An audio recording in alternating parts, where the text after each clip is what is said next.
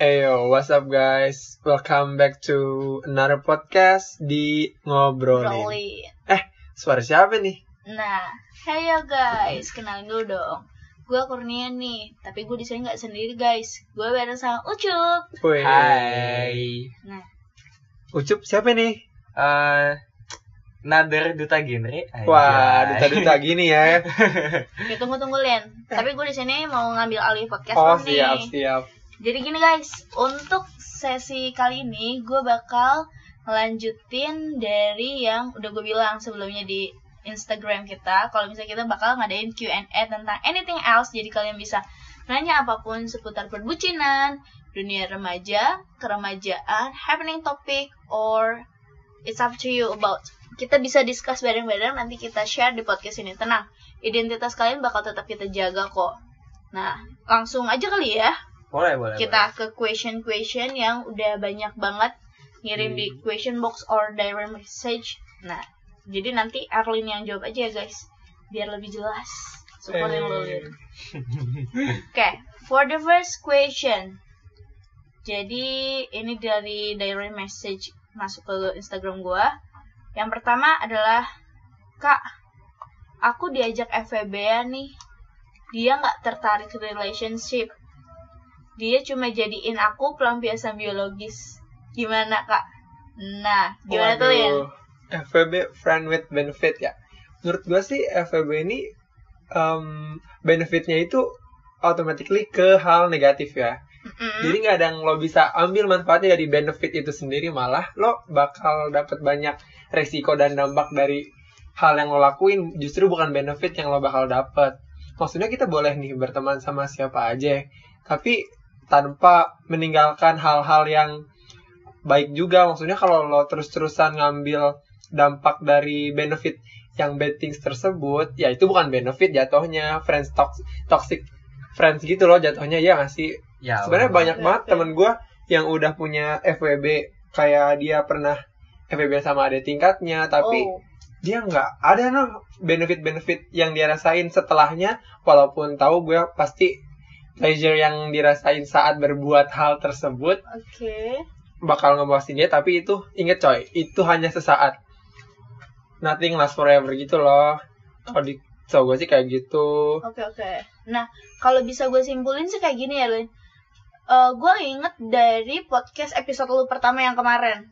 Kalau misalnya nyangkutin sama FVB itu sebenarnya resikonya di sex edu kan? nah iya bener Nah. banget Iya, gue ngebahas, gue denger sama uh, podcast lu yang episode pertama kalau misalnya tuh bener-bener beresiko tanpa lu sadarin ternyata tuh kayak berbuat hal yang negatif, include seks ya, itu tuh bakal memiliki dampak yang besar yang sebenarnya tuh lu tahu mungkin lu kurang aware aja sih di situnya. Ya, bener banget. Kemarin kan gue sempet jelasin nih tentang circle pertemanan kalian mengarahnya ke mana. Di situ lo harus tahu nih, nggak semena-mena boleh pilih-pilih teman. Menurut gue sih zaman sekarang pilih-pilih teman itu hal yang wajar ya. Kenapa? Karena dunia zaman sekarang udah gak karuan coy. Lo harus pinter-pinter bergaul sama orang, jangan terbawa hal-hal yang mereka ajak itu bakal dapet benefit untuk mereka, tapi untuk lo sendiri bakal jadi bumerang untuk kita mendapatkan benefit dari tersebut ngerti nggak maksud gue Oke oke. dari gue sih kayak gitu Oke, kalau menurut lu Cup, FWB itu kayak gimana sih Cup? Ya, kurang jauh sih kayak tadi yang dibilang Kang Erin. Tapi untuk sekarang sih ya, eh, kita kan lihat dampaknya juga nggak cuma dari diri kita sendiri juga ya. Eh, kalau mau masuk ke dunia ranah agama juga kan itu Oh, iya, sangat iya. wah gitu kan, sangat konsekuensinya tuh lebih daripada yang sekarang mungkin sekarang eh, nggak dapat tuh kayak misalnya kayak penyakit penyakit seksualitas nggak dapat misalnya eh, HIV oh oh sekarang oh gue nggak kena kok HIV oh gue nggak kena yang lain kok ya mungkin sekarang enggak gitu Iya. tapi kan ya dampak someday, panjangnya, ya, iya. jangka panjangnya karena kan HIV kan nggak bisa langsung ditentukan pada hari itu juga Hmm. Iya. karena kan HIV itu 10 ya 10 Iya, buat iya. 10 atau lima tahun Iya. selanjutnya Oke. Oh, Itu sih. kalau di lo kan sebagai teenager yang masih senior high school nih ada nggak sih FWB gitu kalau di kuliahan sih kita ada ya kak Ada jelas banyak banget yang udah di dunia FWB. perkampusan sih ada-ada aja. ya Kalau untuk di SMA sih ya senior high school ini eh, masih tabu ya, maksudnya masih tabu Oh, tuh kayak oke. Nah. main backstreet ya. Oh iya. Oke, tahu. iya, ya. iya, bener-bener. Jadi untuk bisa kayak terang-terangan kayak di kuliahan sih belum ya, belum ketahuan tapi masih jaim-jaim gitu aja, kali Iya, ya. benar-benar. ada aja, Oh, sebenarnya ada, ada, aja. kali ya. Ada, Cuma ngerti. kita nggak Nah, nggak tahu nih di mana di mana Iya, nih ya, sampai yang sampainya mana kan. dan siapanya Nah, gitu oke, tahu. oke. Itu sih. Oke, paling itu untuk question pertamanya. Jadi dapat disimpulkan ketika lu ngejalanin FVB sebenarnya lu harus mikir ulang sih.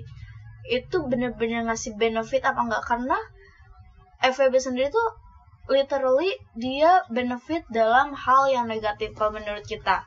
Karena di situ lu tanpa lu sadar tuh lu banyaknya dirugikan sih. Even lu atas dasar suka ataupun senang mengikutinya. Cuma at least lu harus berpikir panjang lagi dalam jangka panjang dampak negatifnya itu bakal kerasa sama lo kayak Iya, gitu. benar banget. Oke, for the next question. Nah, buat next question nih masih tentang relationship. Tos toxic relationship tapi bukan seks. Menurut lo kayak gimana? Wah, em, menurut gua kemarin kita udah bahas nih banyak banget kan toxic relationship yang nggak berhubungan sama seks. Of course dari kita bisa lihat dari sekarang kan banyak banget nih cowok khususnya yang posesif ke ceweknya ataupun sebaliknya. Nah lo, Ya, Temen Betul, sendiri kemarin cerita nih, dia tuh LDR coy. Nah, si ceweknya tuh kayak resah gitu loh. Si Aduh. cowoknya kembali sama ex-nya maksudnya sama mantannya karena si cowoknya ini selalu membandingkan si ceweknya sama mantannya. Nah, Aduh. itu udah ada dua nih. Kita bisa lihat ada dua Hmm. toxic relationship yang mereka jalanin. Karena waktu lo melakukan relationship dengan seseorang Mm-mm. dan lo udah dibanding-bandingkan bahkan sama mantannya dia sebelumnya aduh itu udah bikin Ya. kita insecure udah bikin Jauh kita lah ya. mikir panjang Gitu ya. gimana sih apa kekurangan gua kayak gitu-gitu nggak Oke, sih oke. masuknya dan juga posisi ini bakal berdampak sama mental kita sendiri kita Betul jadi betul. uh, play pretend to our pasangan maksudnya kalau lo gak berubah jadi apa yang dia mau bukan lo Iya. jadi diri lo sendiri kayak Iya, gitu sih iya. menurut gua Kayak dikekang ya. ya Ah. dikekang kayak banget gitu sih. Dan dari cemburu yang berlebih juga ya Ah, masuk ya. bisa. masuk Iya, ke kayak berlebih. gitu. Jadi kayak eh, masuk ke posisi berarti ke, Ya, cemburu ya. benar. Karena kayak jalan dikit sama orang lain, sama Yes. temen even itu temannya juga cewek Ah, ah, gitu. Pasti nggak boleh kamu harus sama Iya. aku. Nah, Oh. itu udah berat gitu bahasanya. teman gue juga banyak yang ngelupain kayak temennya gitu. Karena si ceweknya ini eh kamu main sama siapa? Pap sekarang juga. Kayak gitu lo risih gak sih? Maksudnya kayak eh, lo nggak bisa bergaul sama teman-teman lo sendiri lo jadi punya kayak protection untuk mereka em, gak boleh masuk ke circle lo sendiri kayak gitu. Oh, nggak seru anjir. iya kayak gitu emang. Hmm. banyak sih temen gue yang kayak gitu.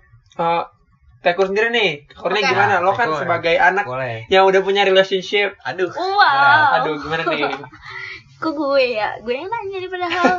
Oke, nggak nggak bohong. Ini bener pure dari kalian netizen yang nanya lewat question box atau direct message.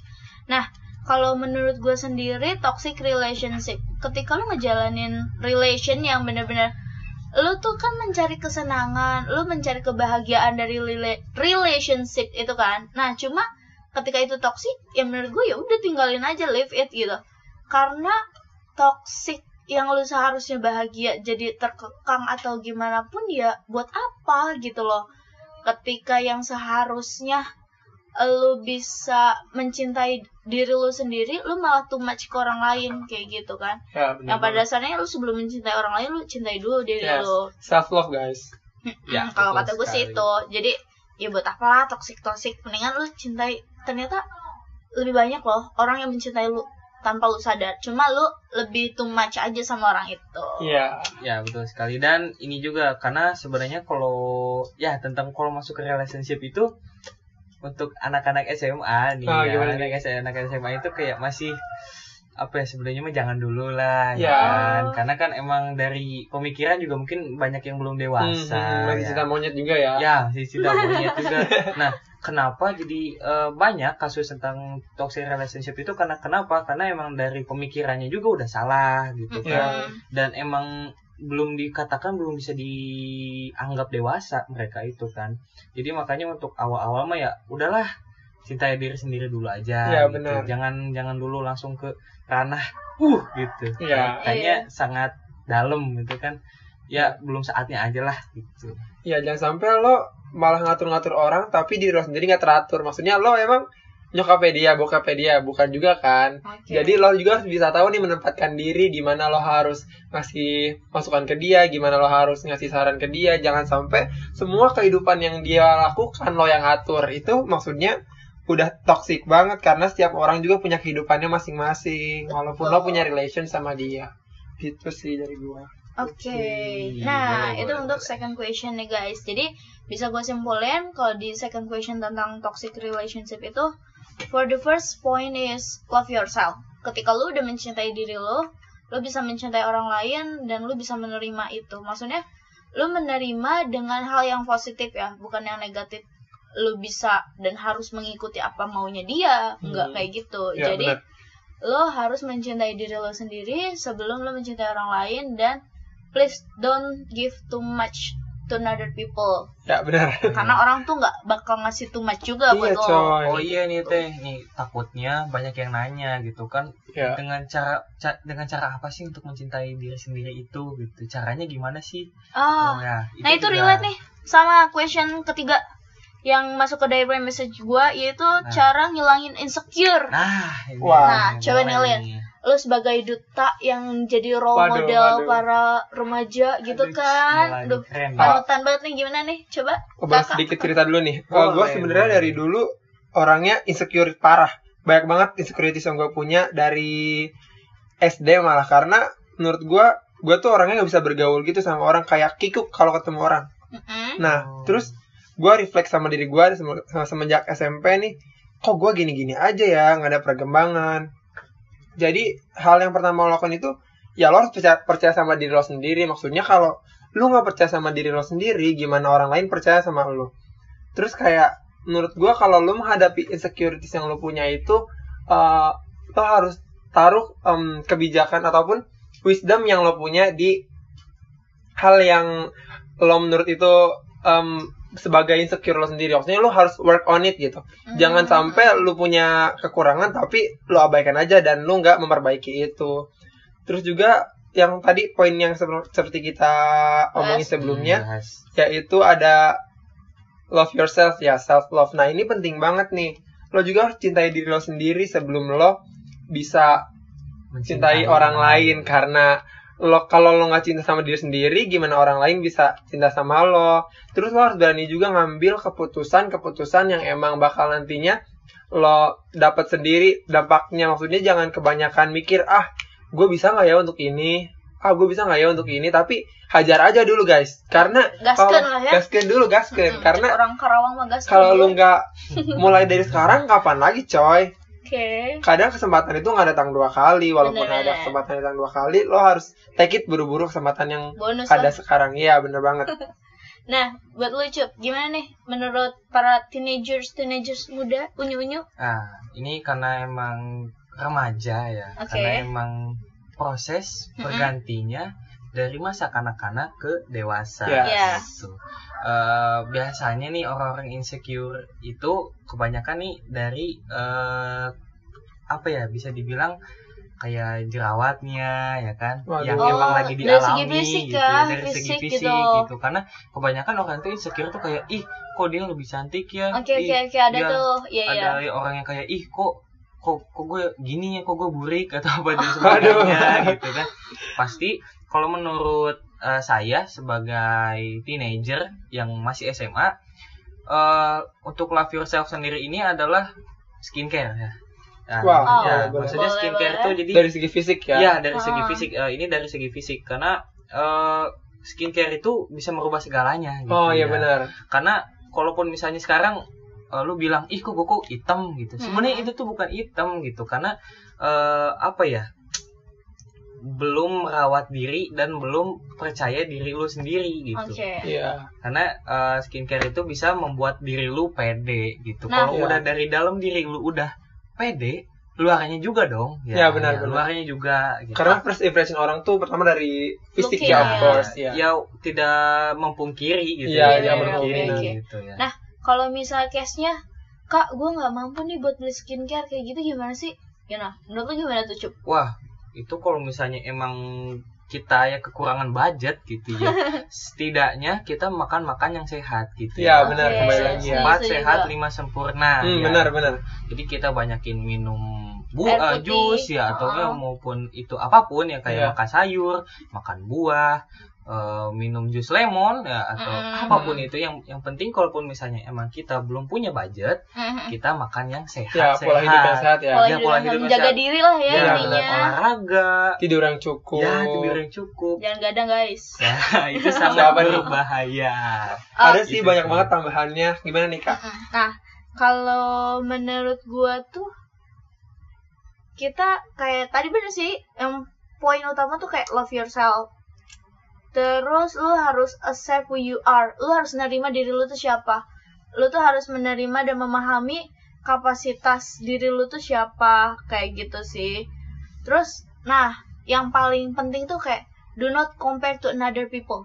Lu nggak boleh nge-compare diri lu sama orang lain Ya, eh dia benar. cantik gua mah kayak gini Aduh, itu salah Ya. banget sih. ih Iya, dia tinggi ih gua mah pendek ih dia mah putih gua mah hitam nah kalau misalnya lu terus terus mau compare diri lu sama orang lain tuh wah parah sih itu yang bakal nambah eh apa ya beban terus sama lu dan itu malah makin lu menjadi insecure banget terus kayak pandai-pandai memilih mana masukan mana cacian nah Nah, ya benar lu harus- penting nih. Uh-uh. Nah. lu harus tahu nih yang mana yang masukan mana cacian jadi lu bisa paham Eh, oh iya dia ngasih masukan bagus nih gue ambil ya dia mah Iya, julid aja nih sama Iya, gue kayak gitu kan guys. nah kayak gitu itu malah jadi makin lu insecure kayak Mm-mm. gitu terus kalau kata gue percaya diri juga poin utama juga sih lu Iya. harus percaya diri maksudnya adalah lu to be try to be uh, ignoring people but at least di sini ignornya tuh kayak lu bukan berarti acuh banget gitu loh kayak lu bener-bener ya tadi relate-nya sama lu mana memilih cacian mana masukan Ya. kayak gitu jadi ketika lu ngedenger cacian ya udah sih lu coba aja buat bodoh amatan gitu loh Iya. Buat sama mereka tuh ya kalau Iya, misalnya lu terus banget. didengerin dipahamin sumpah itu pasti nanti overthinking Iya. Hmm. makin insecure kayak gitu sih kalau Iya. kata gue harus terus juga kalau mau ambil caca itu jadikan sebagai motivasi bukan malah sebaliknya juga ya Iya, bukan benar-benar. Jangan malah jadi lo jadi kepikiran terus tapi lo nggak Ya, ada nggak ada work on it gitu nggak nggak ada sebenarnya action apa pun itu. lu nggak lakuin itu gitu iya tapi cuma yang ada pikirin doang nah itu juga time itu guys nothing guys Eh, kita tahu kok kalau untuk meraih percaya diri itu Ya, nggak gampang. ya, bener ya. Nah, nggak gampang. Tapi setidaknya kalau kita bisa mencoba, Yes. Yes. ya itu pasti akan ada hasilnya. Ya. Betul. Kita percaya itu pasti ada hasilnya kalau kita untuk kalau kita mau mencoba Ya. hal tersebut. lu aduh kalau zaman sekarang sih lu harus percaya diri banget karena orang-orang udah banyak yang ngelakuin hal aneh dan lu kapan lagi gitu Iya. untuk show yourself to the world nah lo ya, sekarang harus banget untuk percaya diri di zaman sekarang ya nih lu gak usah malu-malu deh guys. Yang viral aja kan yang aneh-aneh guys. Iya bener ya banget. kan? Lu ada udah guys yang viral aneh. Hmm, ini gak usah malu-malu guys. Ayo pede semangat. next question. Next question is uh, gimana sih uh, persiapan sebagai generasi, uh, generasi berencana kan Oh. untuk menghadapi new normal yang akan diterapkan di Indonesia se- sendiri. oh Nah, dari Siapa nih? Dulu nih, boleh nih. Wah, new normal. I guess it's not new normal, tapi mungkin kita harus lebih um, bisa protection ourselves ya untuk terjun langsung ke lingkungan. Apalagi kan sebelumnya kita udah karantin nih berapa hari nih kita karantin, waduh, dua bulan tiga dulu. bulan Wah, ya. tiga Tiga bulan ya. bulan. hampir tiga bulan Nah, kita Terus kita udah boleh nih sekarang keluar karena new normal. Mungkin menurut gua new normal ini eh, kita lakukan untuk memperbaiki perekonomian kita yang tadinya nggak stabil. Kebanyakan orang kan susah nih untuk melakukan aktivitas, apalagi kan yang punya usaha seperti itu kan susah untuk melakukan jual beli dan sebagainya. Walaupun sekarang ada online shop ya, tapi kan ada juga yang dagang langsung di jalanan gitu ataupun yang offline lah ya ya, dia punya jasa segala macam. Nah, di sini mungkin menurut gua tujuan pemerintah itu untuk menstabilkan perekonomian kita kembali. Nah, di situ dibukalah new normal sendiri karena new normal ini diharapkan dapat meningkatkan perekonomian masyarakatnya itu sendiri. Menurut gua kayak gitu. Oke, Oke. berarti itu tanggapan dan sudut pandang dari Ya. Kang Herlin. Selanjutnya nih, Teh Kurnia, mangga. Oke, kalau sudut pandang gue dan menurut gue sih new normal. Ya benar kayak Herling yang tadi jelasin. Dan the point of view is kayak kita memang lagi akan atau akan gimana? melaksanakan new normal itu, Aha. tapi harus tetap dalam protokol Oh, kesehatan, benar, benar. mengikuti protokol kesehatan kan. Karena kan seperti yang kita tahu ya, untuk vaksin sendiri atau pengobatan yang ampuh dan untuk menghilangkan ini penyakit kan belum ada. Virus ini Iya kan belum benar. ketemu gitu kan. Nah, jadi ketika kita emang syukurnya kita sudah diizinkan untuk melakukan kegiatan di luar, tapi please stay safe untuk di luar. Kalian harus tetap jaga kesehatan kalian di luar. Jangan lupa cuci tangan, menggunakan masker, mengikuti protokol-protokol kesehatan gitu aja sih kalau menurut gue. Oh, terus menurut gue juga ini normal nih.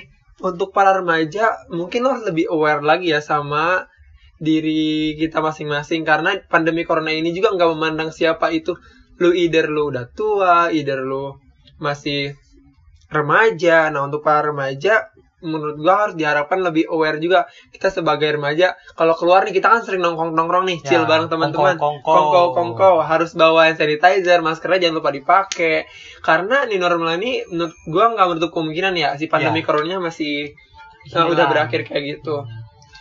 Gimana nih Uh, menurut kamu Ucup sendiri new normal gimana kesimpulannya? Ah, new normal ini sangat berat bahasanya. Iya, benar. Karena eh, terlepas dari itu sendiri juga banyak oh positif dan negatifnya ya untuk dari eh, new normal ini. Tapi untuk kita sekarang ambil positifnya aja. Ya semoga aja eh, Indonesia punya alternatif obat untuk Ya, menyembuhkan vaksin ya vaksin ataupun Amin. sebagainya. amin Eh, kita tetap dukung penuh eh, pemerintah, dukung penuh tentang apa pun itu kebijakan pemerintah kita patuhi.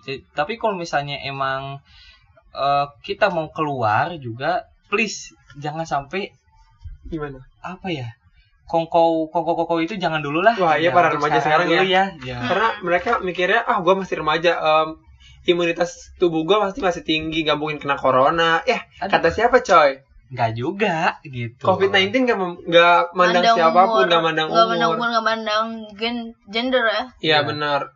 Lu mau orang kaya gitu, lu Iya. mau orang biasa aja gitu. Kemungkinan kita juga bisa kena gitu. So, Benar banget. kalaupun misalnya kita mau keluar juga ya ada keperluan yang sangat penting Ya, ya, entah ya. itu mencari uang, entah eh, emang ada keperluan apa pun itu Ya, yang penting urgent gitu ya. urgent apa pun itu Dan kita jangan lupa safety juga ya. Ya. Kayak kita nih, kita kan sekarang udah, pakai masker, hand Hmm. sanitizer, Ya, lupa betul dipakai. Physical distancing. Oh Ya, iya, kita juga di sini physical jauh-jauhan ya guys, satu meter kok. Kita meter. juga udah bawa masker masing-masing. teriak-teriak ini guys ngambil videonya nih, recordingnya. Oke, kita langsung ke next question Boleh, ya. boleh banget. boleh, boleh ya. Eh, bagaimana tanggapan Akang dan Teteh tentang problema PSBB terkait ekonomi rakyat dan bantuannya itu tersendiri? Wow. Hmm. Berat ya bawa bawa. Wah ini sama ya seperti tadi, Eh, berkaitan gitu nggak sih guys? Iya, masih ya, benar. PSBB, menurut gua sih, aduh, gimana yang ngomongin PSBB? PSBB ini sebenarnya eh, upaya pemerintah untuk memutuskan rantai si COVID-19 ini sendiri ya. Eh, pada, tapi banyak pada kenyataannya banyak nih yang masih melanggar, terutama Wah. yang kemarin kan yang kebelet mudik kan banyak banget Ya, kan itu. Iya. kebelet pengen mudik kan tuh kita tuh pengen mudik karena kita jauh sama orang tua, jauh sama keluarga, kita perantauan dan sebagainya. Tapi menurut gua kenapa sih kalian dilarang mudik? Nah, karena si COVID-19 ini persebarannya itu cepet banget, guys. Lo sekali kesentuh aja langsung itu dia langsung terinfeksi. Nah, si banyak nih yang banyak melanggar uh, PSBB tersebut. Contohnya kayak misalkan lo nggak boleh lewat jalan ini karena ditutup PSBB, tapi uh, lo ada yang bongkar sampai marah-marah kan ada nggak sih? Ya, ada, sih ada, di ada, berita? banyak Nah, di berita itu. sampai mall dibuka. Ya, sampai mall dibuka sampai kasirnya sendiri kena kan, itu Iya. langsung heboh. Nah, PSBB sendiri ini kan ditujukan untuk memutus rantai COVID-19 Mm-mm. dan juga untuk mengembalikan Indonesia seperti biasa stabil. Tapi sebaliknya malah menurut gua PSBB ini eh, ada juga dampak negatifnya seperti tadi yang dibilang perekonomiannya jadi turun, gak stabil lagi. Terus bantuan dari pemerintah mungkin eh, pas mendekati ya mendekati puasa Hmm, baru iya. ada ya. Eh, di Tata sendiri ada nggak sih bantuan pemerintah gitu? oh kalau untuk di lingkup gue syukur alhamdulillah sih ada Ah, jadi ada ada. kemarin menjelang uh, Wah. Idul Fitri itu pemerintah tuh sangat apa ya aware sama kita sangat eh kayak apa ya peduli banget lah sama kita Ya. kayak dia ngasih bantuan Hmm. mereka ngasih bantuan berupa sembako maupun dana langsung kayak gitu menurut gue sih pemerintah melakukan kebijakan-kebijakan tentu dengan regulasi dan udah dimatengin gitu Ya, loh. Iya, dipikirkan secara matang kan. Udah dipelajari juga tentu. Nggak semata-mata pemerintah pun ngasih kebijakan yang pure nih. Aku kasih kebijakan buat kalian. Nggak gitu kok guys. Jadi, so menurut gua ya PSBB kayak gini sih, gue setuju-setuju aja. Cuma kan tinggal baik ke diri kalian masing-masing. Lo sayang diri lo dan keluarga lo Ya. apa enggak Iya gitu bener banget. ketika lu memaksakan untuk melawan PSBB itu sendiri, oh, you will be a selfish person Yes. kalau kata gue. Yes. Kayak lu, lu egois, lu mentingin diri lo, gue ketemu keluarga gue, Yeah. gue ini. Sedangkan lu nggak tahu lu terinfeksi apa enggak. Hmm. Karena pun yang OTG ya orang tanpa gejala Yeah. tuh kan malah lebih Banyak. berbahaya Iya, kan. bener. Berbahaya. Ketika lu mikir nggak sih, gitu. lu nyampe rumah lu di jalan oke lu sehat lu mikir lu kuat lu nggak kena apa-apa dan lu uh, mikir lu bakal nyampe rumah dengan selamat bla bla bla tapi ketika lu di rumah lu tuh nggak tahu keadaan orang tua lu nenek kakek lu Ya, betul. mereka dalam keadaan sehat apa enggak imun mereka cukup apa enggak ketika lu datang yang lu pikir lu nggak terkena apa-apa kayak gitu Iya ya nggak bener sih banget.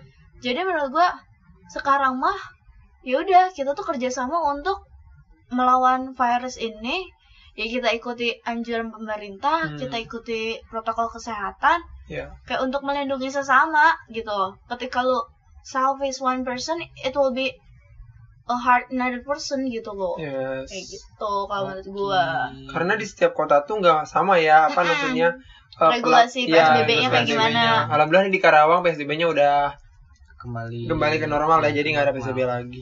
Ke new normal. Kita langsung eh, ke pertanyaan yang men- apa mendasar ya. Wah, apa nih? eh kenapa kita masuk ke duta genre? Waduh, Kita mau join nih. Kenapa tuh alasannya tuh? mungkin dari Kang Ojib sendiri nih gimana sebagai anak SMA nih ini paling istimewa loh Oh iya guys. iya boleh boleh boleh. Dia Dia paling tuh paling di- muda. youngest ya, youngest. Iya. paling muda guys. Ah, mudah oke. Apa sih Kang eh, menurut Kang duta duta itu apa menurut Kang dan kenapa pengen jadi duta? Genre terlebih dahulu. Oke ya. Eh Terlebihnya nih. cerita dikit ya. Sebenarnya ini tuh kayak cuma coba-coba ya Oh, awal coba-coba. awalnya awalnya gitu karena di- karena kirain itu pas awal tuh gini pas masuk SMA tuh kan emang ada kakak kelas yang emang udah masuk ke Mhm. duta genre ini dan kirain tuh duta genre itu seperti model Oh, ya, oh, ya, iya, pertama ngerti, ngerti, gitu pertama gitu Iya. kayak pas First awal tuh impression ya. ya pas impression kayak gitu jadi waktu pas lagi udah ngeliat wah si teteh ini Kang. kalau taunya duta genre terus Ya. pas pulang ah tertarik kan pertama Oh, terus ngomong mah eh, nanti aku mau masuk ke duta genre nih nah kayaknya asik gitu. Terus taunya pas udah seleksi udah masuk ke interview lah kok bahas-bahas dinas? Bahas-bahas remaja? Kayaknya ini jauh dari ekspektasi Iya, gitu ya nah dari situ kayak ah kayaknya eh, itu cuma pemikiran yang pengen cuma cari muka aja. Terus tau taunya pas udah mendapat pandangan yang lain mendapat eh, edukasi dari akang tetehnya Mm-mm. ternyata eh, lingkungan remaja ini memang sangat liar ya bisa dibilang Iya ya. bener banget Kang Aduh. sangat liar Udah gitu mulai karuan nih. nah jadi kita ini adalah wadahnya gitu Ya bener Oke. banget. kita ada kita ini adalah wadahnya pas ketika sudah mendapat edukasi tersebut termotivasi gitu untuk ayo dong remaja sadar gitu kalau misalnya tentang thread KRR itu penting gitu ya tentang seks bebas tentang nafsa tentang kesehatan reproduksi tentang nikah muda itu eh, sangat apa ya banyak merugikannya Ya, dibanding positifnya Ya. itu sih Wah berarti ini dari coba-coba Kang. ya dari Nah seperti yang tadi kita bahas nih guys, maksudnya kalau lo nggak coba sekarang-sekarang, kapan lagi? Iya. Ah, Nanti betul. lo bakal dapet impactnya sendiri itu. Yang paling penting lo harus berani dulu untuk coba nih kayak Kang Yusuf ini dia masih kelas 10 guys by the way. Nah, Tapi by the way, eh, coba-coba harus positif nih ya. Oh, iya, Jangan benar. sampai yang coba-coba negatif Jangan aja coba-coba pada- jadi candu gitu guys. Aduh. Jangan yang Paham lah, aneh-aneh. Jadi kayak aw-awan tuh yang candu. Awan ya. Jangan dong, Au, au, jangan, gitu. jangan. Oke, next Bahaya. gimana nih Teh Kur? Ya, kalau gue sendiri sebenarnya kayak ya sama sih, nggak beda jauh kayak gitu. Awalnya gue tuh kayak awam banget, apa sih itu duta kayak Ya, gitu. ya ini Duta duta genre. itu apa? Gitu. Dulu pun gue bilangnya genre anjir, bukan genre. iya, genre, Iya, genre. Udah kayak musik kan tuh. Nah, terus udah gitu ternyata bilangnya tuh duta genre ya guys, Oh, iya genre. benar. Genre, guys, generasi berencana. Nah, awalnya gue juga diajak sama temen gue yang salah satu kebetulan tuh duta. Nah, Hmm. terus udah gitu kayak dia kasih tahu secara umum aja sih duta genre itu apa, terus kayak nanti itu tugasnya apa. Nah setelah itu oke lah gue tertarik kan untuk kayak gue daftar kayak gitu. Nah setelah gue daftar gue ikut seleksi-seleksi tahap eh, tes tulis, Ya, interview, interview. kayak gitu. kayak gitu kan. Terus ternyata malah kok sampai sampai lulus juga kayak gitu. Sampai gue kaget dong. Kan HP gue tuh di messenger ya. Di album messenger tuh ada fotonya dia nggak pakai kerudung gitu kan. Terus gue bingung gitu kan. Kalau misalkan gitu kan berarti otomatis kalau misalkan dari nggak dari kitanya berarti dari Iya. si lawan bicaranya dong. Terus gue cek dong messenger. Hah? Ternyata cewek padahal hafal Quran pinter rajin. Umur berapa? adik kelas gua. Iya. iya. Pinter eh gitu ya, rajin baca Qurannya. Subuh duhur asar ngafalin Quran Oh, terus iya. aja coba ya Allah kayak gitu ya Allah. Gue pengen ngomong ya gue langsung gue tuh shock ya sempet shock gitu ya. Kayak gitu ya Allah Terus ya. Emang ya emang ya kan setiap orang kan nggak tahu ya dalamnya gimana gimana gitu Iya. kan. Kadang kan ada yang covernya bagus tapi ternyata kayak gitu Iya. ya kayak kayak gitu kan. Terus gue ya Allah bingung banget ya. Terus gue baca dong chattingannya. Baca tuh ya chattingannya. Nah kan si cowok minta pap kayak gitu kan. Apa apa? pap pas picture gitu kan Oh, apa biasa Oh, kira biasa. Saya kita Apa mau apa? negatif mana aja pikirannya. Iya, udah jauh kita mau main terus. terus nggak apa gitu kan ya dikasih itu apa ya dong kayak gitu Oh, terus ceritanya tuh ternyata mereka video callan Heeh. nah, nah terus lewat messenger. Iya, terus tuh si cowoknya tuh nge-screenshot itu kan video apa sih? Ah, biasa. Dan ternyata tuh pas video call juga pakai kerudung. Ah. Terus habis itu banget dan masih banyak lagi ya Allah di rumah berduaan katanya nggak ada. Tapi mereka di situ masih pastinya masih santri. Iya, gue pengen nangis, gue pengen bilang, pengen kasih tahu maksudnya ya Allah dia subuh duhur asar apa di terus isya maghrib. Tapi cowoknya itu mah pesantren juga bukan? Iya, cuman tuh emang maaf ya si cowok itu emang udah dicap kayak gitu sih. Oh. Iya. Maksudnya emang subuh duhur rajin banget ya. Iyalah pasti kayak gitu apa? Apa nggak menutup kemungkinan dia teh berbuat Iya, yang yang nyeleweng juga. Jadi teh gimana ya? Eh, bukannya seuzon tapi dia berbuat kayak gitu tuh tameng dia. Iya. tameng Iya. dia kayak Jadi tuh kayak mungkin ya dia mikirnya kata temen gue gini, dia mikirnya gak apa-apa pahala gue banyak gitu maksudnya kalau kadang kadang Iya, iya, mikir gitu buang-buang kan. pahala ya, Iya. buang Iya. pahala. ya Allah tuh gue ih Tapi emang itu dari tindak lanjut siapa? Dari pengurus sendiri nggak ada gitu? Yang tahu? aslinya ya kan tahu kan maksudnya makanya gue sempet dikucilin sih di situ gara-gara Gara-gara apa? HP. Oh, gara-gara apa? gara-gara HP soalnya gue doang sama teman gue tuh yang bawa HP nah kan gue nggak tahu ya kalau misalnya salah gunain kan kayak gitu. Ternyata tuh pas gue tidur tuh dipakai kayak gituan HP Oh. sampai gue cium kayak gitu banget. Sampai gue tuh sama temen gue tuh yang satu pengabdian gak ditemenin gitu. Jadi kalau misalkan ada gue sama dia ini ditinggalin kayak gitu. Gue tinggal cuma sendirian doang kayak gitu. Tapi mereka eh, kayak terisolasi gitu nggak sih? Nggak boleh main internet ya? aslinya boleh cuma ya penggunanya gimana dulu gitu kan. Iya sih penggunaan internet soalnya kayak juga mereka ya sama aja nggak sih kalau mereka bisa internetan tapi internetnya teh Iya. malah buat hubungin orang bukannya buat yang lain-lain gitu iya, ya? kadang tuh orang kayak gitu ya misalnya gue juga kalau misalkan lagi mainan HP tuh misalnya itu yang gak yang kayak punya doi atau gimana gimana. Padahal iya apa sih maksudnya? Ini banget sih gue juga di HP ngapain kayak gitu kan. Makanya gue pernah gue kayak gini kan biasanya kan mbak mbak Manda kan kakak ya? Kakak mbak Mbak Manda sih kalau main HP ngapain aja sih? Iya gitu. Iya gitu kan. Segitu ya. teh lu atasannya ya? Iya gue bilang punya pacar ya gue punya pacarnya anjir kata gue gue gak jomblo kata gue teh ya nih lihat nih bisa gue kayak gituin dong. Terus gue dibuka-bukain dong aplikasinya. Oh iya, sampai dicek. Enggak maksudnya tuh kayak dicek folder-folder nih gue juga ada kayak gini gini gini kita kita buat bukain. aja iya anjir gue sebel banget kemarin gue pernah kucing kayak gitu banget ya.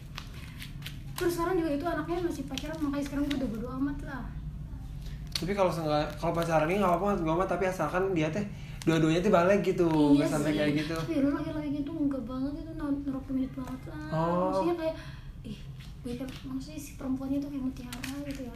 Iya. laki-lakinya ya gue nggak tahu. Sih Hmm. Wallahu alam. Iya sih. Mending lu bejat sekalian Iya, daripada dari daripada gitu. lu di luarnya baik tapi dalamnya tuh lu bejat. Gimana sih? Emang sih orang pengen terlihat pengen ter nggak ada sih orang yang mau ngeli nampilin sisi buruknya tapi masalahnya kalau udah berhubungan sama agama tuh udah takut kan. Iya anjir udah sensitif gitu nggak sih masalahnya kan dia itu apa namanya udah sampai apa hafalan Quran kayak gitu gitu aku tuh kayak seakan-akan tuh dijadiin permainan doang Iya. Terus yang teman lain dijodohin ini teman gimana?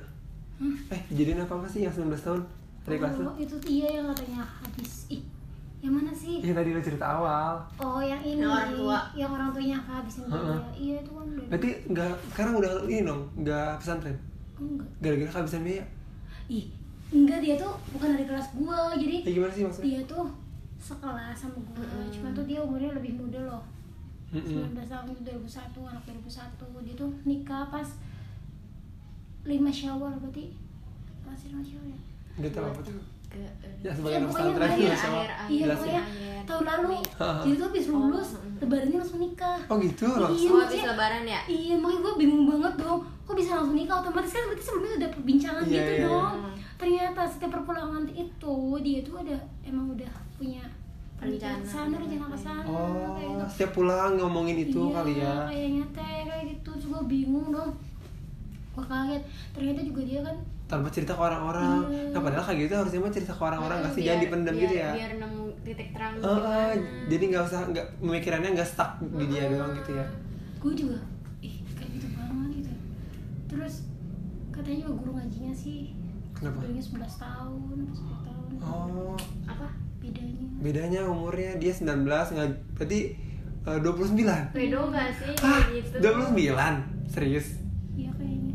Enggak, maksudnya kalau misalnya emang pacaran sih nggak apa-apa tapi kalau tapi Iya. kalau udah nikah tuh kayak pemikirannya tuh harus menyesuaikan benar. suaminya Iya. harus masuk ke seumuran kita kitanya harus masuk ke seumuran Iya. dianya Terus ada juga yang nikah pas muda banget. Ini. Orang itu jadi usah ini. ditunjukin man, kasihan. apa sih? Kemudian Jadi tuh ya gara-gara sakit sih tadi gue cerita. Oh, eh, sakit. Katanya kalau Kocak tahu ceritanya masa sakit? Gimana ceritanya? kan ceritanya gini, dia kan sakit-sakitan kayak gitu banget. wasiat Iya. Bukan. Kenapa sih gak tahu ya? Gue juga bingung. Kalau sembuh pokoknya harus nikah.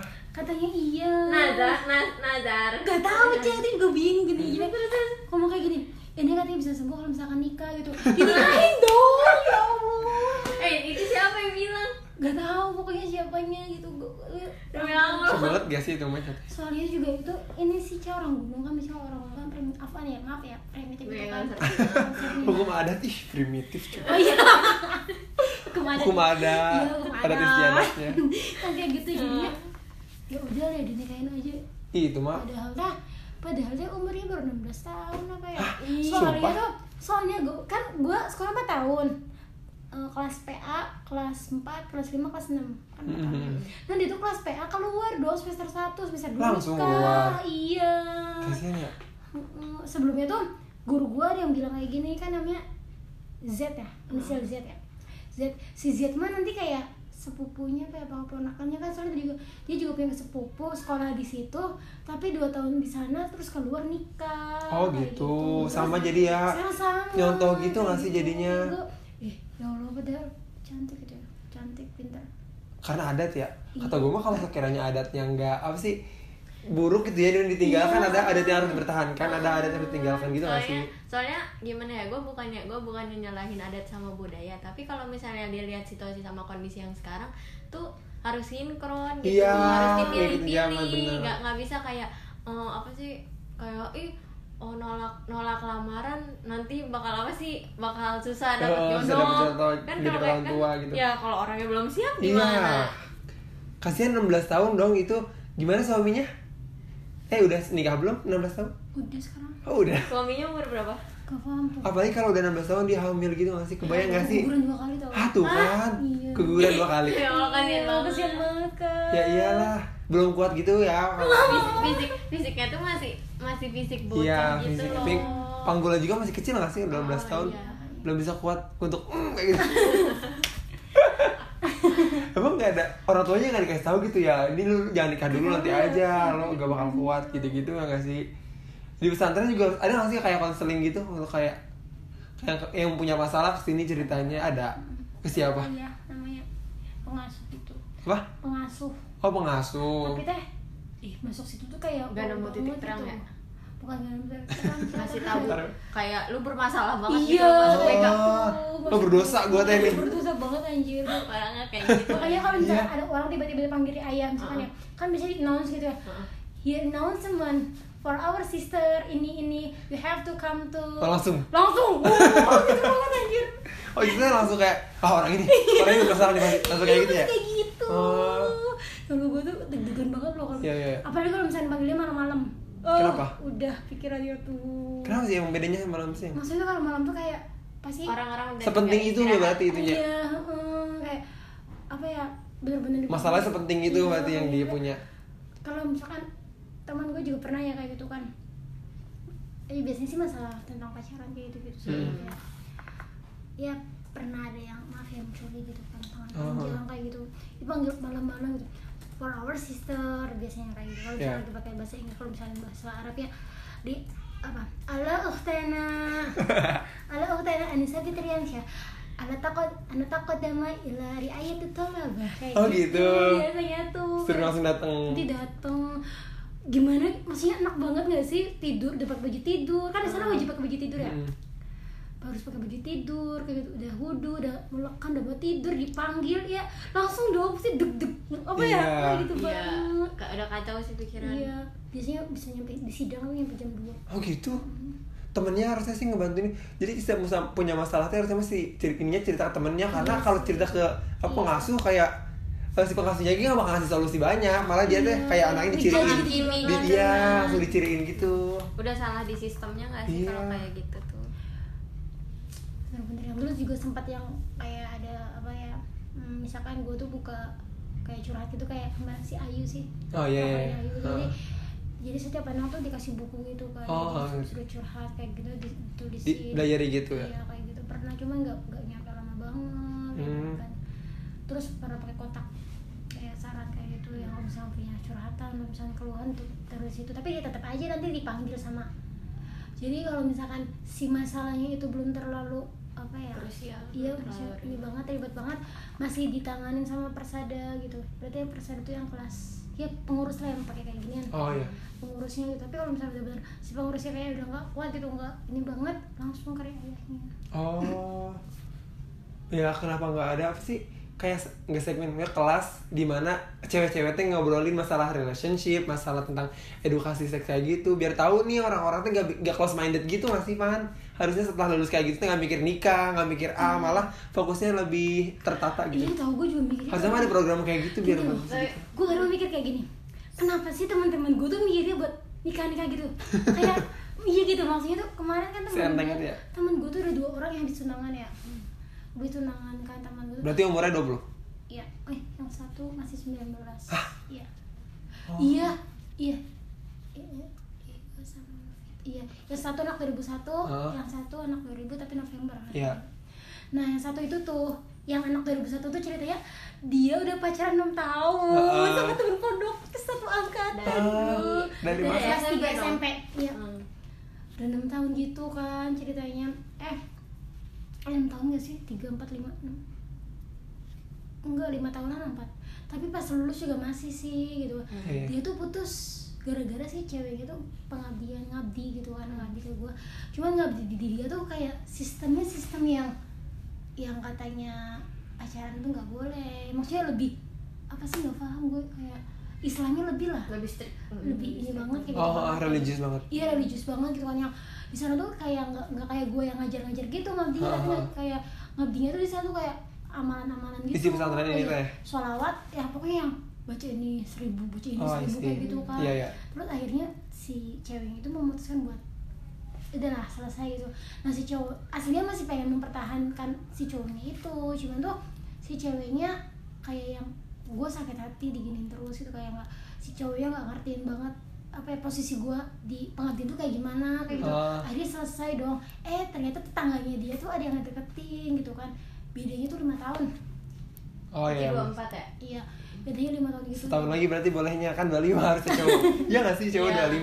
cewek gitu dua kan Cewek 21 guys. eh ini apa sih namanya udah kayak gitu setahu kok ya mungkin se setahun juga belum deh perkenalannya eh udah tunangan gitu dong Oh langsung? iya terus di grup gitu di grup oh ya rame dong pak dia ngebully si cowoknya yang tadinya pacaran udah Oh, lama iya. banget ya allah gitu bayangin Langsung dilepas gitu aja. Langsung malah ditinggal ditinggal tunangan ya. Anjir. Untung nggak stres sih cowoknya. terus yang satu lagi pas satu angkatan Oh.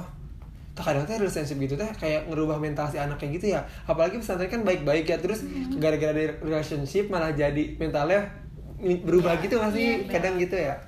Jadi malah pikirannya ke mana-mana, fokusnya jadi berubah. makanya tuh ya maksudnya kalau misalnya udah ada yang itu pasti sensitif dong maksudnya kayak gua gua harus gua harus cepat gitu kan harus menyusul gitu kan Iya apalagi bener. yang Ke bawah-bawah gitu. Iya, apalagi yang misalkan punya si doi, mungkin doinya satu angkatan kayak gitu kan kayak Mhm. ayo dong, ayo kayak gitu ya. Iya nggak ayo ayo. Iya, tapi kan ya kita juga harus punya masa depan yang Iya juga. harus nge apa uh, reach our goals gitu dulu Iya, baru. gitu. Kadang gua misalkan di grup ya, misalkan gitu bahas-bahasnya kalau misalnya bisa ditunangan kayak gitu kan pasti bahas-bahasnya kapan gini gini gini gini gini emang sih kadang kan kalau misalnya umur seumuran kita kan udah emang kadang nafsunya juga udah beda gitu ya Iya. pasti kalau misalkan Bergejolak gitu iya, kan. gitu? Masih Iya bergejolak. kalau ada Gejolaknya kayak tinggi, ih, pengen pasti pengen, pengen, kawin, Iya, kawin, kawin. tapi ya harus ditahan juga Ya iyalah. kan Karena kan mikir dua kali anjir kawin teh nggak kayak nikahnya nggak segampang itu. pacaran maksudnya kayak yang nggak pacaran kan bisa ya udahlah gitu Iya. kan, berapa Mm-mm. Karena kalau misalkan nikah kan kayak yang seumur gitu Iya, iya seumur hidup. Jangka panjangnya juga dipikirin kalau mau nikah. terus gue tuh bingung loh sama anak yang itu sih yang satu lagi yang satu angkatan tuh. Dia tuh udah tunangan. Nikahnya nanti kalau lulus kuliah. Padahal dia baru Ah. semester 2 kata gue kayak gini ya. Please deh anjir gue gue taruh taruh tuh 6 bulan doang. Gue gemes banget. Oh, taruh enam bulan ya? Da- dalilnya bilangnya pakai taruh. Iya gue asli itu maksudnya kayak gini.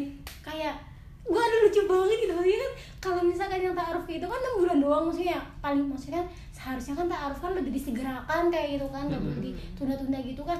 Lah ini habis tunangan terus katanya nikahnya katanya aduh Habis katanya ta'aruf Emang apa sih definisi ta'aruf sebenarnya? sebenarnya itu ta'aruf kan arafa ya'rifu ya maksudnya kayak artinya kan perkenalan gitu. Ya, kan perkenalan kayak gitu. Ya perkenalan jadi tuh kayak aslinya ta'aruf tuh Heeh. enggak enggak yang kayak gitu enggak ya cuman ya set, Sa- Saling kayak tahu satu sama lain. ya. kan kalau taaruf kan kenal satu sama lain tapi sekedar lewat-lewat gitu kan Ya, Kak. harus disegerakan juga Uh-uh. gitu enggak enggak yang kata gua ya kalau misalkan tunangan tapi nanti dintar ntar kan jadi pacaran kali Iya ya, Iya. satu nama di tangan besar. cuman ya diikat-diikat kayak gitu lepret lah tetap aja kan tuh gak sih kayak ih gua enak banget nih ya nggak bisa makan taaruf kayak gitu kan Iya. tapi emang tapi emang realistis banget gak sih? Sekarang tuh kayak orang pacaran atau orang berhubungan apa apa tuh di di apa sih jadiin agama tuh sebagai landasannya Iya. Se- seakan-akan kayak gue pacaran islami gue taruh kayak Iya. padahal mah padahal mah sama aja mau Sama kamu aja. pacaran bukan Iya. taruh Iya, gitu iya. sekarang tuh kayak biar kedengarannya halus aja Iya, sih bener, di telinga diperhalus ya. masyarakat ya biar Hmm. kayak oh ih, iya ya udah nggak apa-apa itu mah bagus kok saling saling apa Iya. saling menuju jalan ridho Allah ada padahal ya Sama aja. taaruf mah sama aja Sama aja sama aja. taruh mah ya misalkan ya dia diikat gitu kan kayak dipakein cincin kayak gitulah setelah itu ya kan maksimal kan 6 bulan ya langsung misalkan nikah gitu mah bisa dikatakan ta'aruf dong gitu Hmm. lah kalau kayak gitu mah pacaran aja Ya. kalau misalkan ta'aruf juga apa ya komunikasinya juga apa ya minim kayak gitu kan Oh, oh, oh. yang kayak setiap hari kayak gitu enggak gue juga punya guru ya guru gue tuh nggak paham sih itu pacaran ta'aruf gitu kan nah dia tuh eh, setiap ketemuan sama si ceweknya itu harus hafal satu jus masing-masing Oh iya bagus dong. kayak misalkan gue sama lu pacaran misalkan ya Heeh. lu haf- harus hafal satu jus kalau misalkan lu belum hafal satu jus nggak bakal ketemu Oh gitu? Iya. Bagus lah berpacu dalam berpacu dalam apa ya kebaikan ya sih? sekarang udah nikah tapi Oh gitu. Berapa umurnya? dua tiga pak ya Oh cocok. cewek dua tiga Ya kalau gitu mah berarti benefit buat dia juga ada. Maksudnya nggak kosong banget pacaran kayak tadi apa menamakan taruh tapi nggak ada apa-apa. Kalau pacarannya harus ada benefit yang diambil juga kayak misalnya apa lo pesantren lo sama pacaran sama guru. Ya bagus kalau lo bisa apa nge ngembangin diri lu di agama tapi masih pacaran juga. Apalagi kalau ketemu harus hafal satu juz kan. Iya. kalau ketemunya 30 kali. 30 juz berapa satu Al-Quran. Hatam sih yang ketemu. Sebulan hatam sebulan hatam. Eh tapi misalkan ya kan satu jus itu kan nggak gampang gitu ya. Heeh.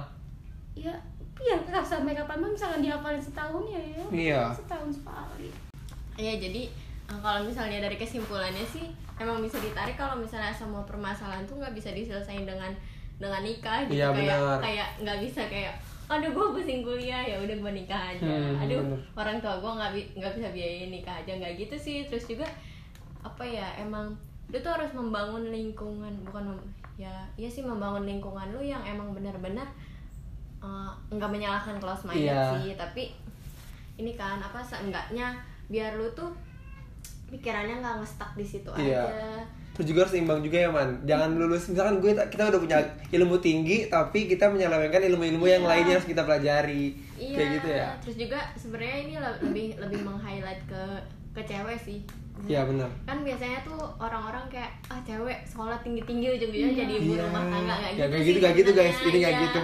Gak gitu. Kasihan ibu kartini sumpah. Menangis melihatnya iya nangis di dalam kubur kalau tahu cewek-cewek semua pada model kayak gitu. Lo apa ya namanya? Lo juga apa ya maksudnya kan harus punya pendidikan dong buat anaknya Iya kayak benar. gitu. Apalagi cewek yang mendidik. Iya. Bang pernah apa namanya? Anak itu dididik pertama. Madrasatul ula. Apa tuh apa tuh? Apa tuh artinya? Apa tuh artinya? ibu itu adalah eh, sekolah yang pertama. Nah, jadi kan apa eh, eh. ya seorang ibu ya dia yang mulai apa sih maksudnya pendidikan pertama tuh kan Iya dari keluarga. dari kan ada keluarga, juga bukan namanya delapan fungsi keluarga fungsi pen- ada di antaranya delapan fungsi keluarga itu di antaranya pendidikan. Nah pendidikan itu didapat dari keluarga itu sendiri gimana dia bentuk karakter si anak pola pikir si anak dari keluarga kan tentunya kayak gitu. Nah kenapa gini? Pernah dengar nggak sih kalau misalkan ibunya pinter cerdas. Iya. anaknya juga Anaknya, ikut anaknya. kenapa? Soalnya kan dari asinya oh iya? Iya jadi kan oh. Ya, apa ya setiap an- si- seorang ibu kan misalkan makannya apa kayak gitu jadinya Oh. diserap sama mm, diserap sama berarti anaknya. bener ya buah nggak jatuh apa?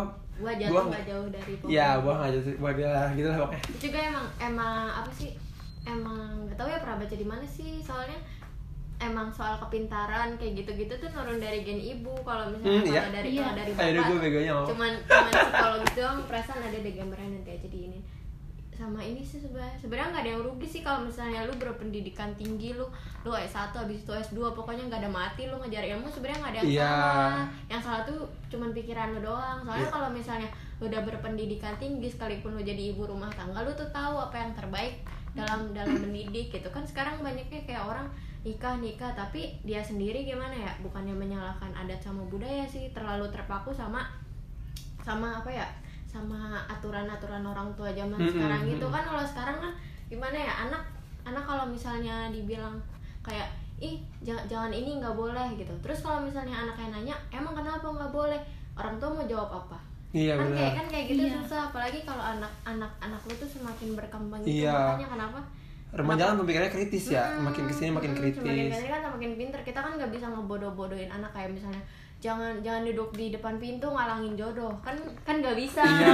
terus-terusan terpaku sama kayak gitu anak juga pasti Iya. berpikirnya lebih lebih berkembang lagi sih. Makanya Lebih realistis. Mm-mm, makanya nggak nggak ada salahnya kalau misalnya emang ya udah lu mau lu mau sampai gelar profesor dokter ujungnya jadi ibu rumah tangga yang nggak ada yang salah. Karena ntar anak lu generasi lu juga pasti bagus Iya benar. Karena generasi itu kan yang meneruskan dari generasi-generasi uh, sebelumnya. Nah guys, gitu aja podcast kita untuk kali ini. Podcast ringan-ringan sambil chill bareng bertiga kali ya. Semoga kalian bisa nangkep manfaatnya. See you guys in the next podcast. Bye di ngobrolin ngobrol asik bareng Herlin. Bye.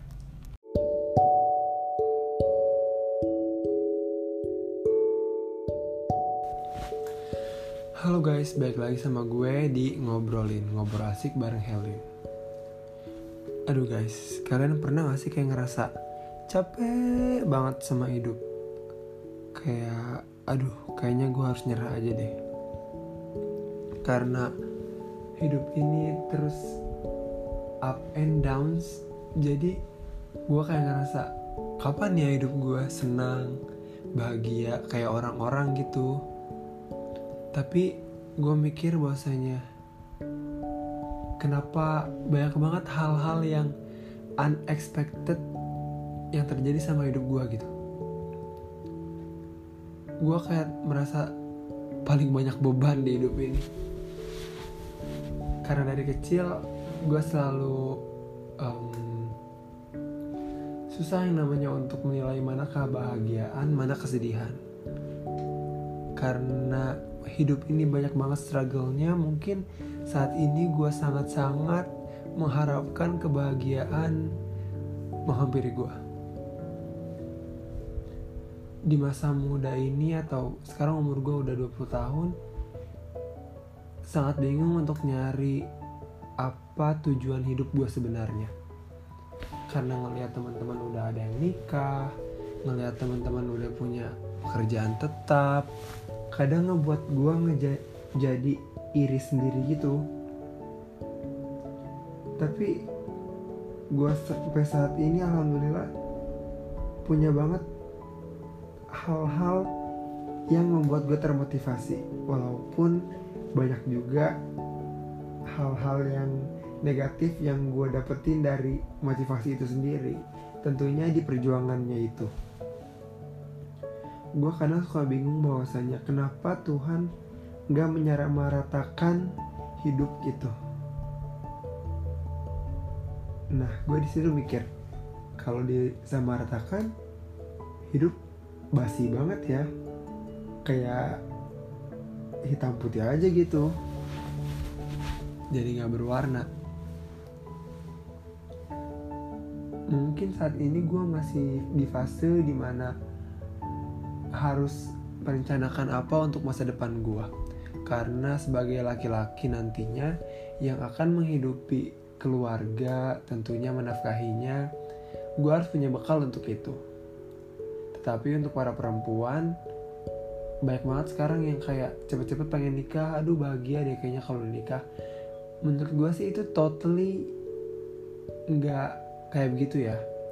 Karena kalian mikir gak sih kalau cowok kalian kalau cowok yang kalian nikahin itu udah punya banyak harta tetapi kaliannya itu masih di underage di under 21 tahun untuk perempuan.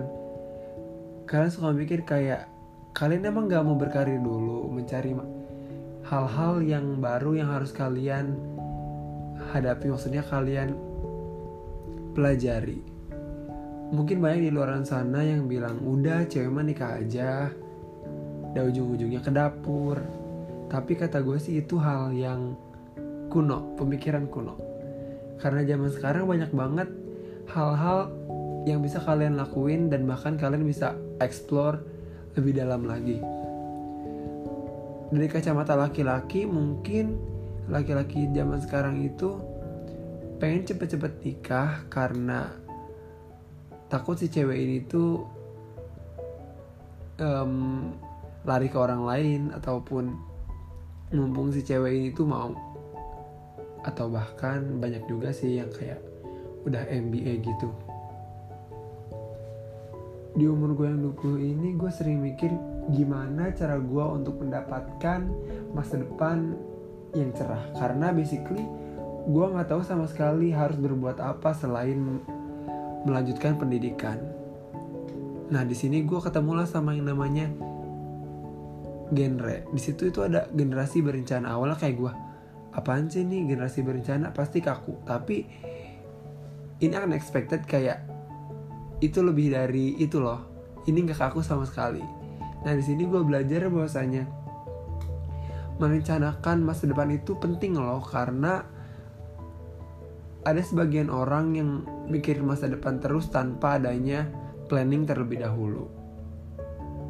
Mungkin untuk kalian yang masih bingung bagaimana cara untuk menyusun masa depan kalian atau kalian sedikit ke struggle untuk ada apa gue nikah aja ya? Mungkin bisa dipikirin lagi karena masa depan itu harus tersusun dengan rapi jika kalian ingin mendapatkan masa depan yang enak tentunya. Karena gue sendiri pun sekarang-sekarang lagi down banget karena nanti gue bakal jadi apa ya? Tapi kita harus mikir bahwasanya kita hadapi dulu zaman sekarang. Kita hadapi dulu apa yang terjadi di depan. Jangan mikir terlalu jauh tetapi ha- harus ada planning juga di situ. Gue sekarang lagi merasa kayak ya udahlah jalanin dulu aja. Toh baik buruknya nanti bakal kita hadapin juga. Di zaman sekarang ini banyak banget hal-hal yang mempengaruhi gua ataupun mempengaruhi teman-teman mungkin kalian sendiri untuk berbuat hal-hal negatif. Ya berujung pada pernikahan. Tentulah lo tahu apa yang gue bicarain sekarang. Karena ngeliat teman-teman banyak banget yang udah kayak em, punya keluarga nggak tahu ya itu kayak mereka enjoy with their life or not. Who knows? Tapi di sini gue ingin share kepada teman-teman ayo sama-sama kita nyusun masa depan bareng. Maksudnya kita harus buat planning dulu. Jangan sampai banyak banget sekarang yang nikah tanpa mikir panjang. Maksudnya kalian tuh tolonglah ayo kita kalau kalian punya masalah atau apa pun cerita dulu. Jangan memutuskan sendiri walaupun itu kehidupan kalian at least kalian harus cerita dulu ke orang lain bagaimana pendapat mereka mengenai hidup yang akan kalian jalani nantinya. Di sini banyak banget poin yang bisa kita kita dapat karena menurut gua poin pertama itu kesadaran diri sendiri. Poin kedua itu memahami bagaimana cara menyusun rencana-rencana yang akan kalian buat untuk menggapai masa depan yang lebih cerah. Mungkin nanti di umur gua yang akan 25 atau 26 27 gua akan mulai berpikir mengenai menikah dan merencanakan hal tersebut. Tetapi sekarang masih umur 20 untuk teman-teman yang umurnya masih 20 21 perempuan ya 21 mungkin kalau mau nikah lebih dipikir-pikir lagi. Ataupun ada ada yang ada yang kayak di bawah umur 21 lebih dipikir-pikir lagi karena sekarang itu menikah itu gampang. Tapi banyak banget kegagalan-kegagalan yang terjadi setelah kalian melakukan hal tersebut. Karena kebayang gak sih kalau kalian nikah di umur under 21 untuk perempuan dan 25 untuk laki-laki. Kalau kalian menikah di usia yang masih dibilang muda dan kalian bercerai, akan ada juga perceraian muda atau kalian jadi janda muda gitu. Kalian bahkan bahkan kalian akan lebih buruk dari apa yang akan kalian hadapi. Misalnya kalian masih ingin sekolah tapi nggak bisa melanjutkan sekolah karena status kalian yang udah janda ataupun orang-orang yang kayak laki-laki contohnya mereka umurnya 25 terus mereka cerai. Laki-laki sih masih bisa mencari pekerjaan lainnya. Tetapi untuk perempuan tolong pikirkan lagi hal tersebut. Karena gue banyak banget temen gue yang udah mengalami hal tersebut. Dan semoga di sini kalian bisa mikir ke depannya dan bisa menyusun planning kalian sendiri. So, mungkin segitu aja podcast yang bisa gue sampaikan atau pembicaraan kecil yang ingin gue sampaikan akhir-akhir ini. See you guys in the next podcast.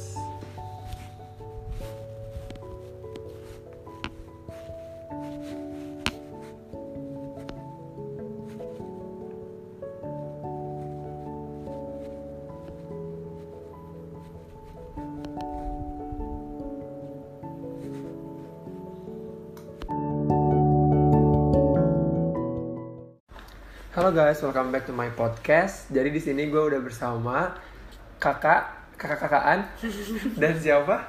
Satu lagi. Nai nai. kakak kanai nai oke. Kakak Nai Nai. semoga kalian enjoy ya. Hari ini gue mau ngobrol santai aja. Biasa di ngobrolin ngobrol asik bareng Herlin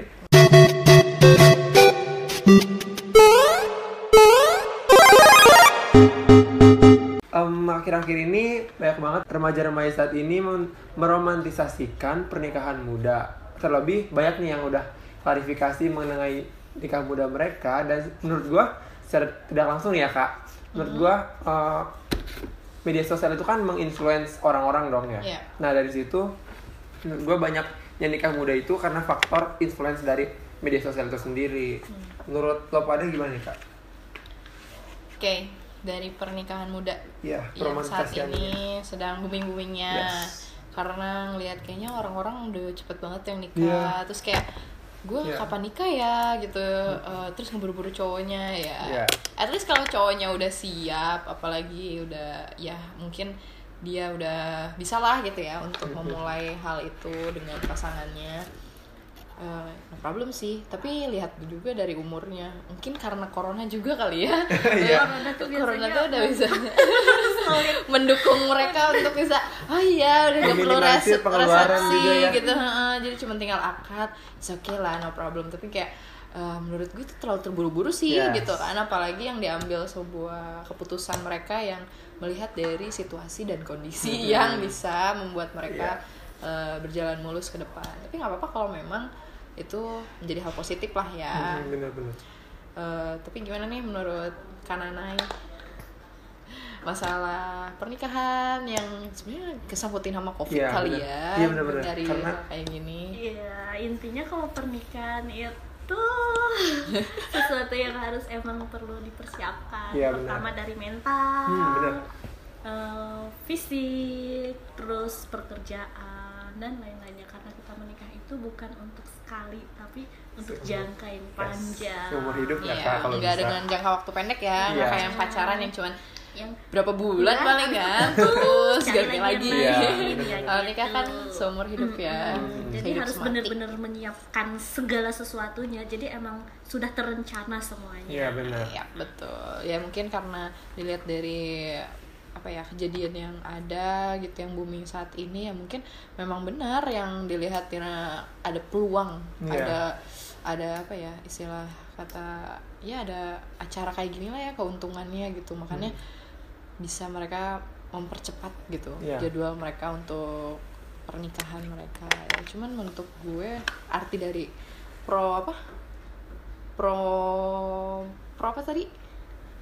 Ah proman prom Romantisasian. romantisasian. itu tuh baru gue denger banget sih. Ya Oh, nggak sih? iya. Iya benar benar kasusnya tuh yang kayak gimana sih Erlin? Maksudnya yang Maksudnya romantisasi 16 17 nih. Ada nih eh, salah satu pas- pasangan. Mm-mm. 16 17 tuh mereka tuh udah menikah dan romantis romantis banget. Kayak naik mobil ke mana-mana bareng sampai dibuat vlog.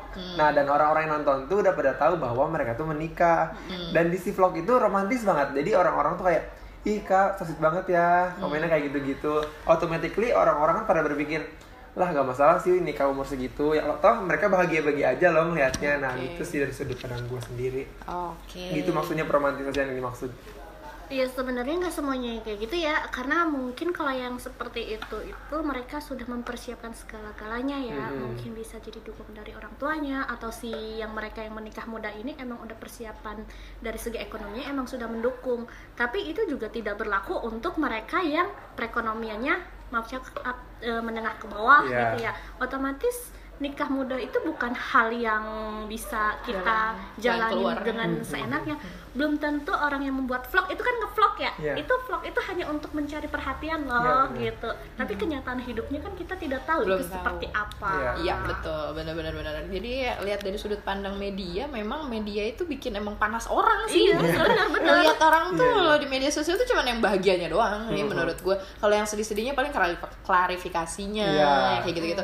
Itu tuh setelah udah jatuhnya baru ada sedihnya. Hmm. Mungkin karena memang kebanyakan orang nggak akan men-share kesedihannya mereka, Iya. jatuhnya mereka karena orang orang-orang tuh yang ada di media sosial hanya tahu kebahagiaannya orang Mhm. nggak tahu kan kesedihannya orang kayak gimana mungkin kurang jarang banget iya benar Hmm, jarang. mungkin kurang edukasi juga ya Iya. apalagi kan sekarang gembar-gembornya kurang nih kayak menikah tuh harus usia 21 25 loh Iya, kayak gitu-gitu itu. kurang mereka tahu jadi jadi kebelat gitu kesannya apalagi sekarang pemanfaatan em, mungkin musibah harusnya malah jadi manfaatan untuk menikah saat COVID-19 Iya, jadi itu. pengeluaran lebih sedikit gitu ya Kak? ya tapi tetap halal gitu kan Iya. asal halal apalagi orang tuanya juga mendukung Iya. itu kan yang poin pentingnya adalah orang tua karena ter- eh, jarang-jarang juga orang tua yang memang eh, ngerti anak yang dan budayanya sekarang kayak Iya. gimana jadi masih istilah kata hmm, agamis banget ya Ah, masa religius lama ya. lah ya ada anaknya nanti berzina Ah, gitu iya, udahlah benar-benar. kita nikahkan Iya, iya. aja Ada karena anaknya udah sama-sama suka gitu, Heeh. gitu. masalah orang tua yang berpikirnya masih Agamis jadul gitu ya gitu. jadul heeh, jadul masih dengan budaya yang lama nah kalau ngomongin budaya juga saat ini udah banyak banget ya yang budayanya orang tuh kayak udah lulus SMA mah kul- eh, nikah aja. Iya, kayak gitu udah sih. kuliah S1 lulus langsung nikah aja. Udah jangan jauh-jauh jangan lama-lama. Jadi kayak yang ngerasa kita tuh udah diatur sama orang-orang Iya, gitu padahal bener. jadi kita kan beda ya. Kita itu jadi kayak punya tuntutan tersendiri gitu Iya, dari Iya, iya, tekanan iya, orang iya, tua bener-bener. kita.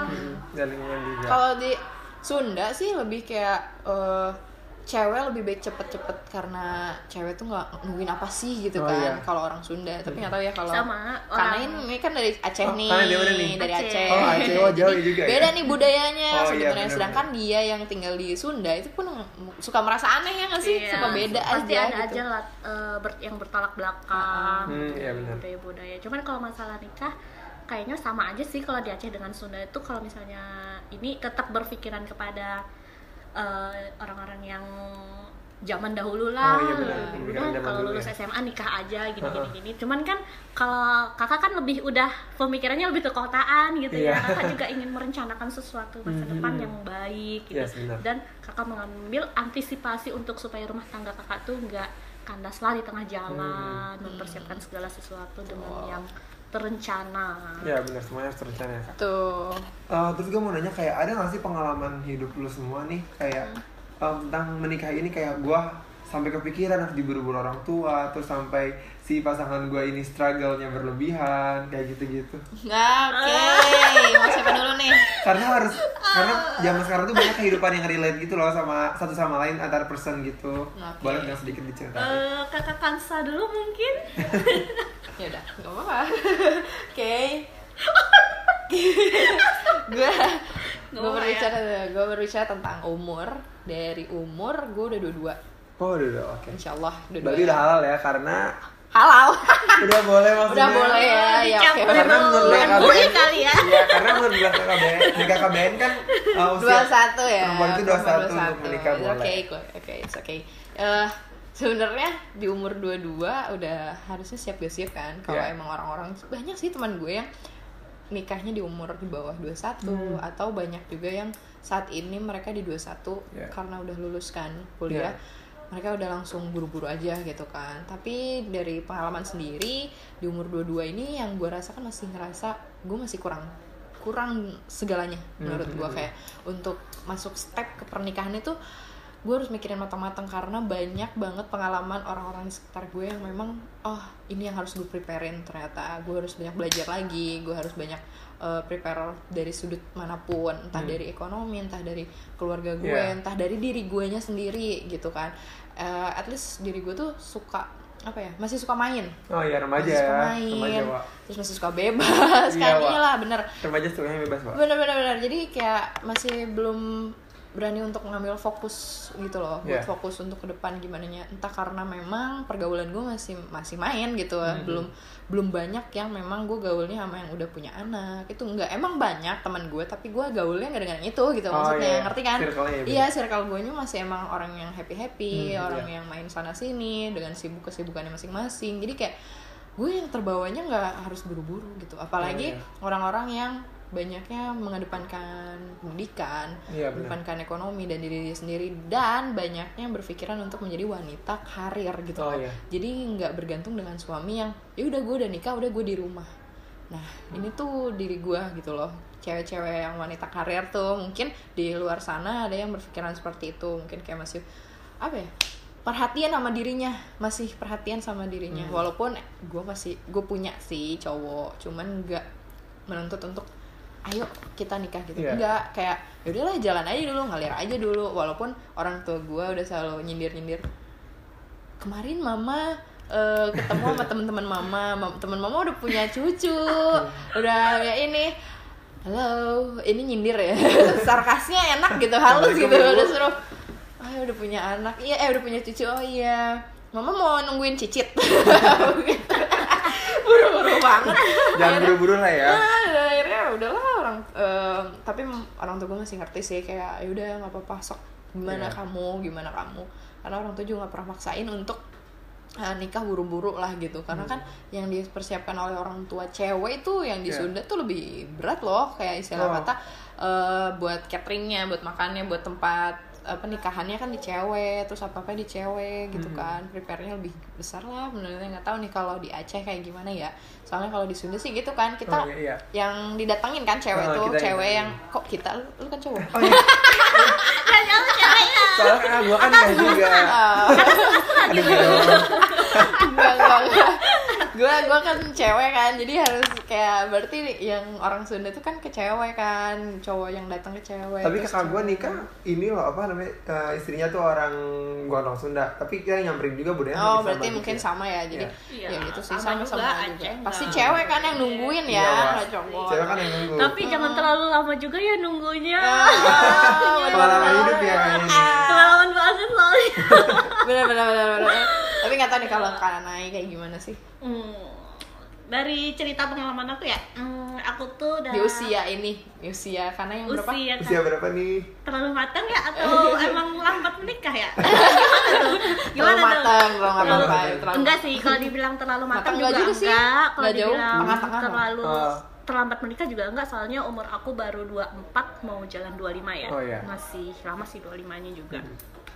Kalau pengalaman aku itu tentang menikah, aku mungkin pernah sempet eh, dilamar di umur enggak bukan di umur berapa ya maksudnya umur 23 udah sempet umur 24 udah sempet dan Iya. ini menjalani 25 juga sempet ada yang mendatangin ke rumah Iya. tapi ya dengan mungkin akunya memilih juga beda tradisi gitu Iya. ya kayak yang pertama tahun eh, waktu umur aku 23 itu orang Jawa tapi ternyata berbeda dan bertolak belakang begitu juga dengan orang yang Padang bertolak Iya. belakang dan akhirnya sekarang nih aku deket sama orang Sunda akhirnya juga Sama. seperti Aduh. jadi kayak banyak ya dia udah melanglang Iya, buana udah dari Jawa dari Padang ya? Sunda Semua budaya cobain ya? warteg tuh si Padang nanti kita tunggu dulu warung Aceh mungkin kalau untuk orang Aceh gue emang belum bisa nemuin yang nemuin ini ya. yang pas ya Hmm, karena iya. gue sendiri juga tahu deh karakter orang Aceh itu seperti apa dan untuk saat ini emang gue tuh emang belum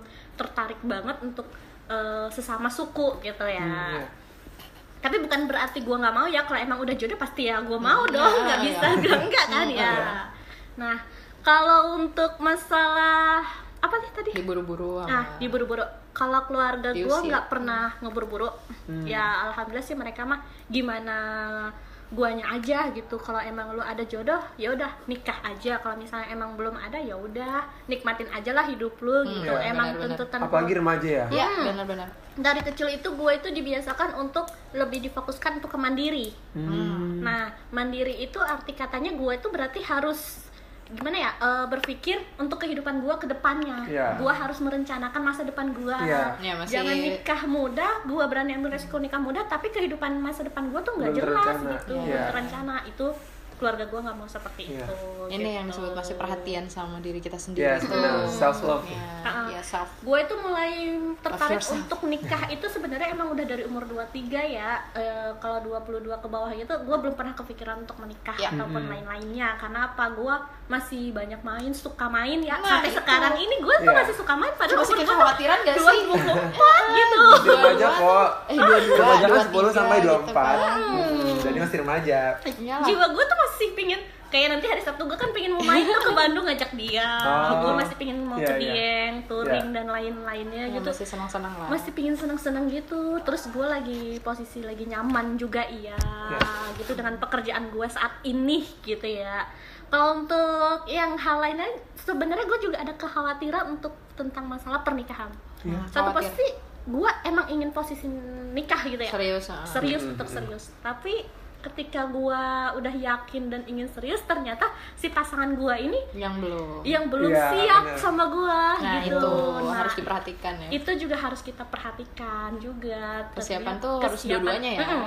Kalau untuk menikah itu bukan perkara untuk eh kitanya siap tapi pasangannya kita belum siap Ya. itu nggak bisa juga nggak bisa kita paksakan menikah itu si cewek siap si cowok tuh harus siap baru Hmm. kita bisa menikah siap arti katanya itu siap apa aja yaitu seperti tadi pertama ya mental fisik, Fisik. perekonomian Ya. keluarga ya terus pendidikan pendidikan, bener-bener. gitu pendidikan dalam arti di sini juga kan pendidikan tuh luas ya Iya. nggak hanya tentang sekolah gitu Nah, tapi bener. maksudnya kayak pendidikan yang kita mengerti tentang gimana artinya jika berkeluarga Hmm, bener-bener, gimana ya. ngurus anak gimana berhadapan dengan seseorang terus juga ya gitu cara banyak pendidikan. mensikapi iya permasalahan-permasalahan hidup itu juga Itu butuh juga pelajaran ya itu juga pelajaran. pendidikan Ya. gitu Memar- apalagi kita itu menyatukan dua karakter ya, Ya. dua karakter yang berbeda pengalaman aku kan emang bukan sesatu suku tuh ya Iya. untuk menyatukan dua karakter itu nggak mudah gitu Yes. jadi masih butuh banyak proses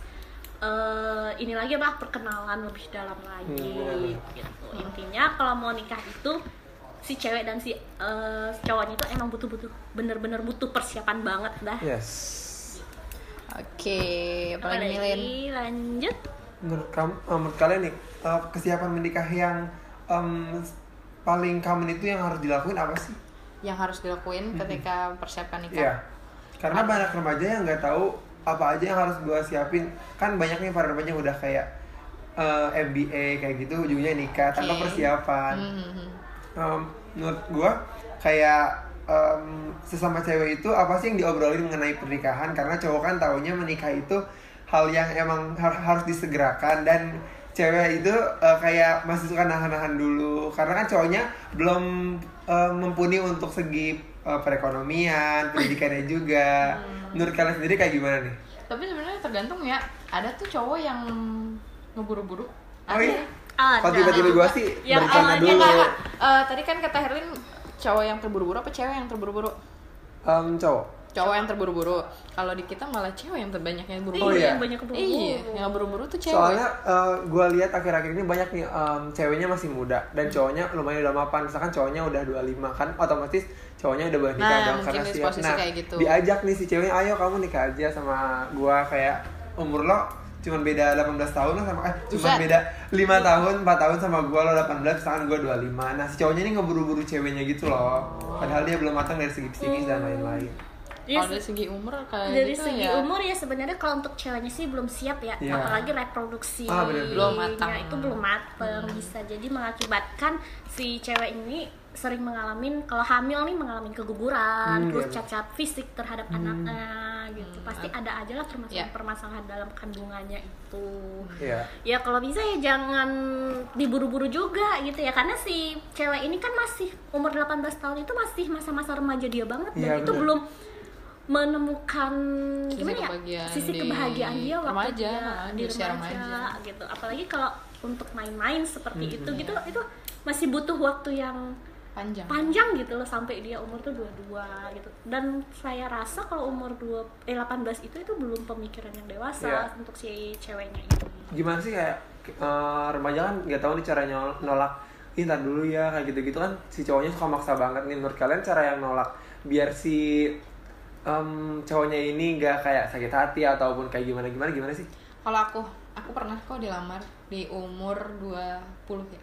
Wah di ya umur 20 ya satu tahun lagi ya padahal.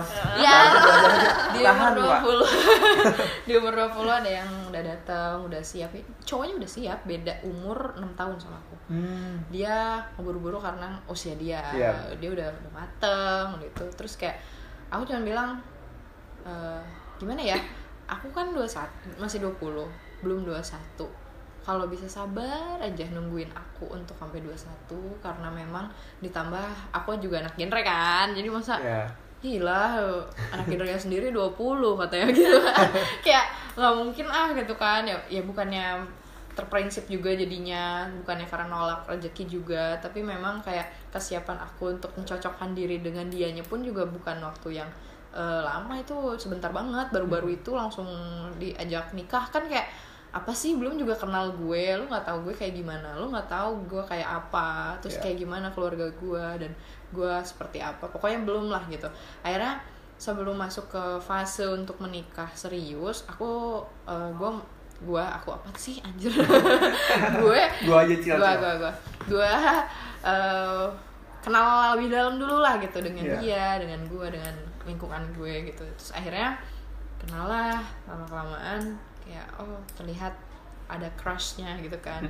Aduh crush crush crush udahlah gitu. Eh, kayaknya memang nggak harus diburu-buru. Untungnya untuk memikirkan tahan dulu ya kita kenal dulu satu sama lain mengerti dulu dengan eh, hal-hal yang memang harus kita matangin lah ketika mau nikah. Karena sesuatu yang kamu mau nggak nikah sama aku? Iya mau. Eh nggak semudah itu Iya. gitu. Nggak semudah itu. Kayak gue harus memikirin dengan apa dengan sudut pandang apa. Terus juga orang tua wa- walaupun seneng ya seneng anaknya udah dibawa nik mau nikah gitu ya. Tetep aja ya. Tetep aja lihat dulu orangnya kayak gimana. Lihat dulu orangnya kayak gimana. Terus keluarga kayak apa dari segi kepribadiannya kayak apa. Ya udah terus walaupun sebenarnya yang mau ngajak nikah gue itu ekonomi udah siap. Hmm. tapi lihat dari kita masing-masing Iya, juga dulu gitu takutnya. Ya mungkin nanti yang mau nikah itu dia udah lama pacarannya gitu kan. Beda lima tahun enam tahun tapi mereka udah pacarannya udah lama. Ya tapi tunggu dulu gitu kan. Tunggu dulu kesiapan ekonominya gimana kesiapan mental si anak ini ketika bener-bener diajak serius yang ini lu nggak akan bisa putus lagi kalau lu udah Iya. nikah. Itu sih yang gue takutin. Karena ketika ada masalah lu masih belum bisa keluar bersama-sama dengan nyaman ya. Kan keluar dari masalah itu bukan sesuatu yang mudah gitu kan. Masalah entah nanti malah lu diem dieman doang kan. Gitu kan nggak nggak dewasa Iya. banget gitu kan. Apalagi ketika lu udah bertemu di wadah yang lu nggak bisa keluar lagi. Karena ini tuh udah tuntutan. Ini adalah suami lo ini gua Iya, jadi benar. istri lo. Jadi kayak lo harus bisa loh tempatin Tanggung itu. jawab. nah itu itu yang sulit. Itu yang pasti sulitnya. Karena saking ada yang nggak terimanya mereka akan cerai lagi. Mereka Iya. akan ini lagi. Itu yang berat menurut gue akhirnya kalau emang nggak bisa saling keluar dari masalah bar- bareng-bareng mending gak usah gitu. Hmm. karena akan bertemu dengan masalah-masalah selanjutnya yang tadi Ya, kata tahan dulu ya. Herlin gitu. Banyak banget yang harus dipertimbangkan. Itu sih. Jadi kalau mau nolak baik-baiknya kayak gitu. Kalau Hmm. aku ya udah kenal lebih dalam dulu kita persiapkan dulu hal-hal lain. Karena nggak semudah itu untuk menikah. Iya. banyak sih ya kalau di kanai buat nolaknya atau buat ininya gimana? Eh, kalau aku ya untuk cara nggak pernah nolak ya? ah kalau pernah nolak sih banyak. Oh Wah. bukan nggak pernah nolak sih Oh. cuman Oh, kalau nolak. aku mah langsung terus terang ya. Aku tuh kan tipe anak yang kalau di chat itu 20 dalam 24 jam teleponan 24 jam tuh gue tuh ilfil banget loh sama cowok yang seperti itu Iya. gitu ya. Apalagi di masa umur-umur gue 18-19 itu kan gue masa-masa SMA bisa dikatakan gue primadona lah di SMA Oh, gitu ya. prima donna Aceh. Enggak Primadona cuma bercanda doang. Maksudnya Yes. waktu gue umur 18-19 tahun itu eh, banyak gitu yang suka sampai apalagi di Aceh tuh kan banyak ustadz ustadz tuh ya. Kan banyak mereka tuh yang Iya. datang ke rumah untuk ngelamar. Boleh nggak eh, saya ngelamar anak ibu dengan Oh. ini ini ini. Kalau ibu kan tetap balik lagi ke eh, kitanya ya. Eh gue kok mau dilamar? Umur gue masih muda ya. Gue masih mau main sana sini Iya. sedangkan gue juga pulang sekolah sering bareng nongkrong teman-teman gue kayaknya ya gue bilang sama keluarga gue "Eh, ibu Nai belum siap untuk nikah saat ini karena Nai masih pingin main dulu sama anak-anak yang lain gitu. Hmm. Paling nanti ibu yang nolak secara halus lah ke yang si ustadz ini yang mau ngelamar gua Oh, iya. gitu. Terus pernah juga gua sama perawat juga tuh yang di Banda Aceh. Eh, Banyak juga ya. enggak, enggak banyak juga Oh, ya. enggak. Enggak, enggak. Cuman solusin lah pernah sama perawat di Banda Aceh ngajakin serius nikah waktu itu kalau nggak salah umur gue tuh masih 19 tahun hmm. hmm, gue tuh belum kepikiran sedangkan posisi gue tuh udah kerja di Jakarta Hmm. gue tuh udah pindah ke Jakarta 19 tahun tuh gue tuh belum kepikiran buat nikah gitu karena apa ya gue tuh masih kepingin kerja dulu gue masih pingin mapan dulu gitu jadi gue bilang kayak gini "Eh, abang maaf Wanita Nay karir. nggak bisa Oh, iya. nikah di umur sekarang karena Nay emang masih ingin bekerja dan melanjutkan pendidikan Nay lagi yang lebih jauh gitu Hmm. terus apa apakah abang bisa mengerti kalau emang abang bener suka dan sayang sama Nay paling abang tunggu Nay aja untuk beberapa tahun lagi ya Iya. Seperti itu. kalau misalnya abang tidak bisa Boleh. ya abang boleh mencari yang lain dan kita berhenti sampai di sini saja dan alhamdulillahnya ya mungkin karena eh, pacar gue sebelumnya yang mungkin umur jarak bedanya hampir empat tahun sama gue ya dia nerima apa keputusan gue Iya. dan kemauan gue Iya. gitu jadi intinya saling terbuka aja dan dia itu emang pingin nikah gitu loh posisinya Mhm. gitu Umur berapa cowoknya kak? 24 waktu itu Oh, cuman dia 24. udah perawat di Banda Aceh ya Oh. mungkin karena dia orang ada ya Ya. Uh, orang tuanya juga mendukung dia juga udah punya rumah kalau misalnya di, bisa dikatakan dia tuh toke lah ayahnya Oh. terus dia apa? Toke toke ya? toke itu Toke kayak apa ya? bos Oh, bos. bahasa apaan? Toke. besar gitu Gua kira hewan. bukan toke Oh, kalau di Aceh tuh Tok itu toke bahasa Aceh ya? Ah, Oh. bos-bos kayak bos besar padahal eh, sembako besar doang sembako jualan Hmm. sembako kayak gitu cuman kita sering bilang sih toke gitu. Hmm, iya. Hmm, gila ya toke. Tokenya, bukan toke tokenya kan bawa rezeki ya? Jangan, hmm, benar-benar rezekinya Iya, besar benar. emang. Rezekinya besar. Wah, asik banget ya berarti pengalaman hidupnya cuma sudah cukup banyak juga ya ibu-ibu ini. Bukan Saya menjadi pembelajaran sebagai remaja, saya kan bisa merefleksikan diri saya, mencerminkan. kalau dibilang ibu jangan bilang saya ibu ya soalnya muka saya masih baby face oh, iya, banget iya. lah untuk calon ibu tapi. Apalagi aku. muka kamu sama saya aja lebih tua muka kamu Ya Allah, ketahuan kan gambarannya Ketahuan gimana. saya. Untuk ini podcast ya, nggak bisa ngeliat muka saya. Jadi em, banyak banget ya pembelajaran yang didapat dari kehidupan dua wanita ini. Wow. Mungkin saya sebagai gue sebagai remaja kayak mikir jadi nikah tuh nggak semudah semudah itu, itu. Semudah harus terencana. Jadi bukan, Ya. jadi hidupnya nggak em, hidup bukan karena bencana tapi karena terencana. Oh wow, kuatnya. That's it, that's it. benar, benar, benar. Ya mungkin itu aja kesiapannya harus lebih ditingkatkan. Cara penolakannya juga jangan apa kita harus berani speak up ke Ya, pasangan pasangan kita, kita. jangan malah diem-diem iya iya doang kayak tadi ya kak. Hmm, iya, Dan iya. iya, iya. satu lagi, jangan tiba-tiba suka menghilang langsung.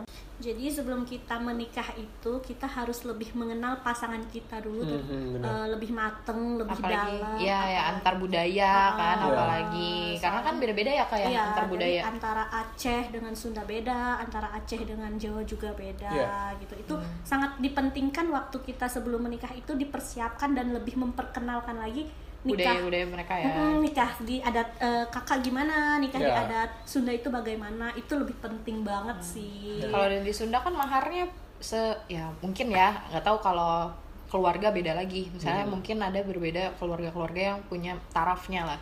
Taraf maharnya mereka berapa kalau di Sunda. Tapi nggak tahu ya kalau di gue sih ya semampunya mereka yang memang udah deal-dealan sama keluarganya gitu.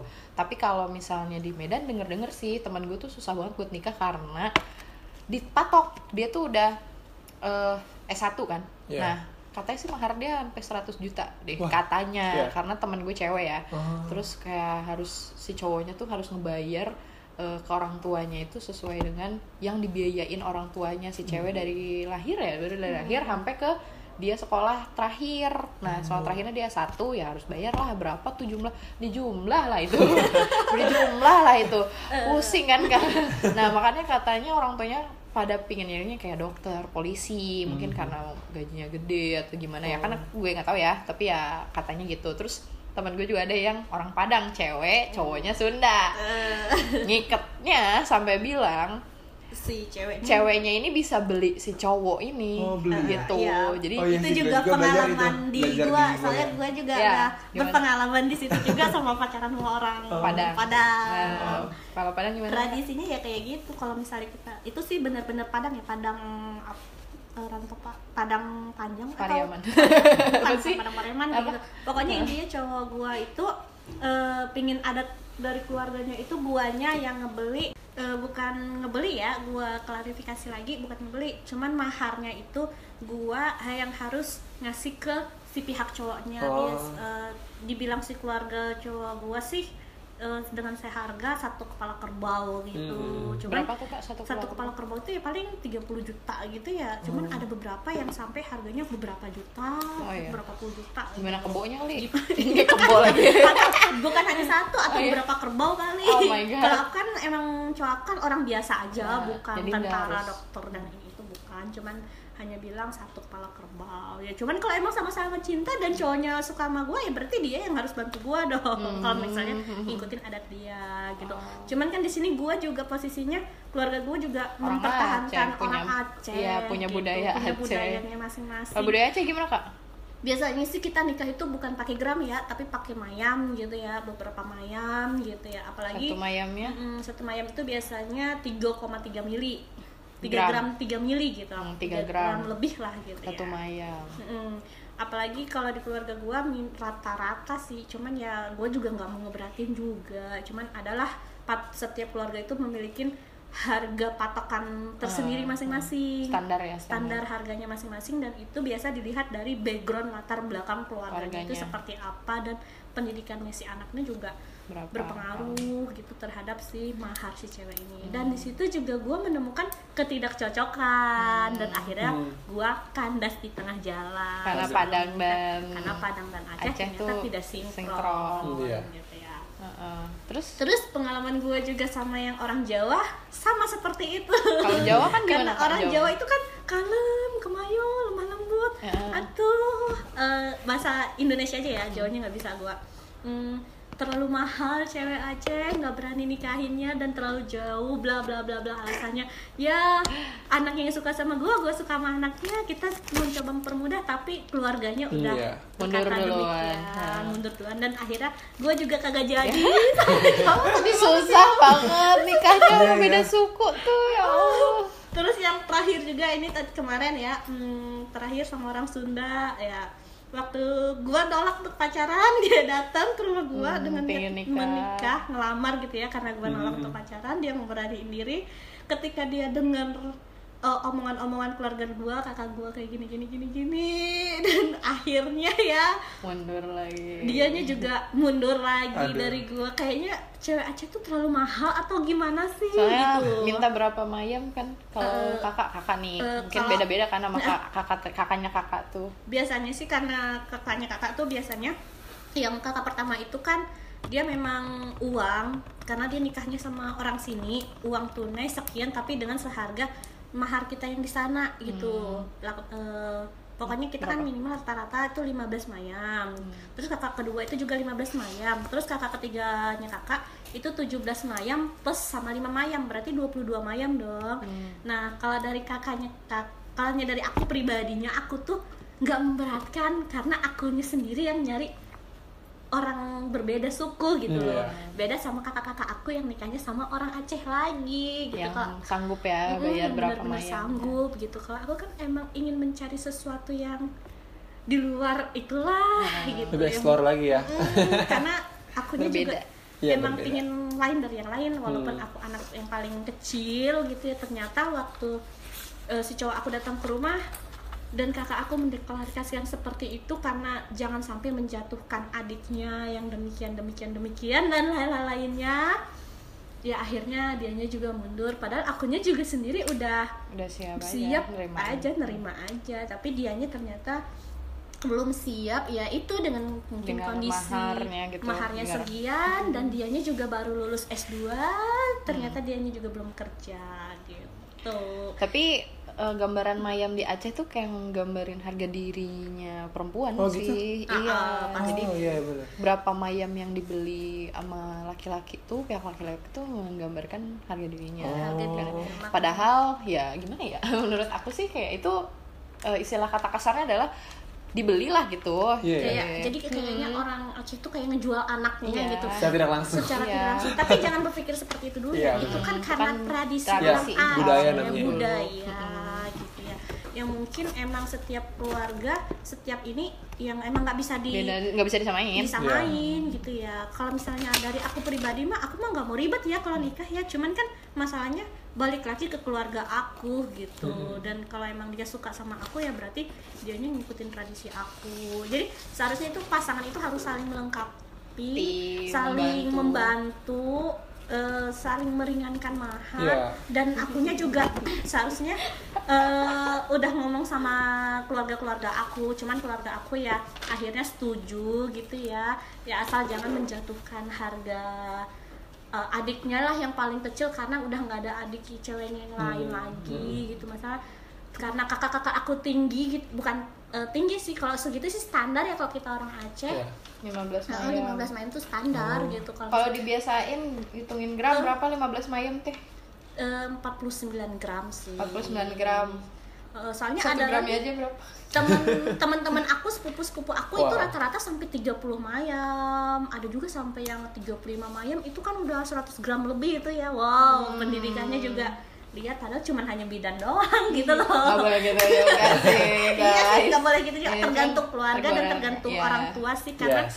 Sunda juga memiliki tradisinya Iya, masing-masing iya, ternyata. iya. Nah di situ aku juga berpikir Sunda ini yang begini begini begini loh. Oh Aceh ini begini begini begini. Ternyata waktu gua omongin sama pasangan gua, ternyata suku kita itu memang berbeda dan kita itu jadinya nggak sejalan. Akhirnya ketika kita sudah berkomitmen untuk menikah, tapi ternyata keluarganya juga menolak eh, akunya, terus keluarga akunya juga nggak mau terlalu kayak cara Sunda yang itu. Eh, eh, cara Sunda yang Iya. itu. Jadi- ketika kita sudah mengambil jalan yang tengah si cowoknya ini jadi mungkin pesimis duluan gitu. Pesimis. jadi akhirnya dia mundur. Nah buat kalian yang ingin menikah kes- pesan aku itu kenalin dulu Tuh, guys. jangan langsung menikah Dan buru-buru, Wak. jangan buru-buru ya terus kalian kan matang persiapkan semuanya itu dengan matang. Jadi bukan hanya perekonomian dan lain-lain.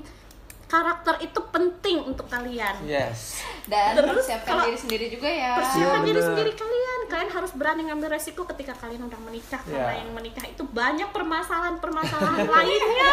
Ya guys, itu complicated banget ya menikah itu. Jadi gue tahan dulu Iya. deh ya kayaknya nggak bakal ya nikah benar-benar buru-buru. hati-hati pokoknya yang kenal yang beda budaya ya hati-hati kenalin budaya juga. Iya, penting, benar-benar. sangat penting. Iya benar. Kesiapan Berarti line, outline obrolan kita sebenarnya kayak- kayaknya pernikahan antar budaya gitu. pernikahan antar budaya, Iya, benar nih. Benar pernikahan antar budaya yang membuat emang eh, ternyata banyak banget gejolak yang berbeda ya dari Iya. sudut pandang budaya. Eh namanya juga budaya di Indonesia banyak banget dan emang eh, menjadi ciri khas lah bagi Indonesia ya. Yes. Kenapa bisa berbagai suku dan sekarang terbukti ya yang mau nikah tuh beda-beda pun banyak aturannya, Mm-mm. banyak sudut pandangnya, banyak aturan yang memang ya udah banyak aturan emang hidupnya. Tapi bagus tuh muda itu jadi Iya, benar, minimalisir benar, benar. adanya pernikahan muda juga kan. Iya, jadi nggak buru-buru, lebih Benar. terencana lagi apalagi tadi yang maharnya sampai Mempersiapkan gram gitu. segala Yes. 40. Yes. Tapi ya 9 intinya gram. yang namanya mahar ya balik lagi ke, keluarganya. ya, ke Iya. keluarganya lagi. benar. Terus mahar itu bukan diartikan untuk ngejual atau ngebeli atau gimana mana ya. Sebenarnya kita tuh positive thinking mahar itu untuk modal kita setelah berumah tangga Iya, loh. Iya, gitu, Sebenarnya itu hitungannya tabungan. Iya. Ketika suami kita tidak memiliki uang, kita bisa menggunakan mahar, Mahar istri. Yap, Oh, itu membantu sih. suami kita. Iya, Intinya kalian Oke. positive thinking juga terhadap orang Aceh ya. Karena gue gak mau dibilang Aceh aneh-aneh kayaknya Aceh berat tuh berat banget ya banget padahal enggak, enggak, padahal budaya enggak. lain budaya Yes. lain mungkin ada mungkin yang lebih beda. berat contohnya aja kayak Manado itu jauh banget Mhm. beratnya tuh kalian pasti tahu cari aja nanti searching tentang budaya Manado Papua gitu Hmm. Oh. Sebenarnya beda-beda oh. banget sebenarnya budaya ini uh, ada positifnya ada negatifnya menurut aku sih ada yang budaya yang harus dipertahankan ada juga yang harus ditinggalkan Iya. kayak gitu ya mungkin lebih bisa diupgrade lagi ya budaya Iya, juga budaya, iya. dengan adanya modernisasi saat ini yes ya ya that's the conclusion is about this podcast pernikahan antar budaya Pernikahan yeah. antar budaya. Congratulations menikah itu disiapkan disiapkan guys intinya kesiapan menikah itu harus disiapkan dari segi fisik, psikis, ekonomi, pendidikan bahkan harus mengenal satu sama lain baik itu dari culture-nya itu sendiri. Semoga Yap. podcast ini bermanfaat untuk kalian. See you guys in the next podcast. Bye. bye bye Bye. Halo guys, welcome back to my podcast. Jadi di sini gue udah bersama kakak, kakak-kakaan dan siapa? Satu lagi Nai nai. kakak Kanai Nai. Oke. Kakak nai nai Semoga kalian enjoy ya. Hari ini gue mau ngobrol santai aja, biasa di ngobrolin, ngobrol asik bareng Herlin.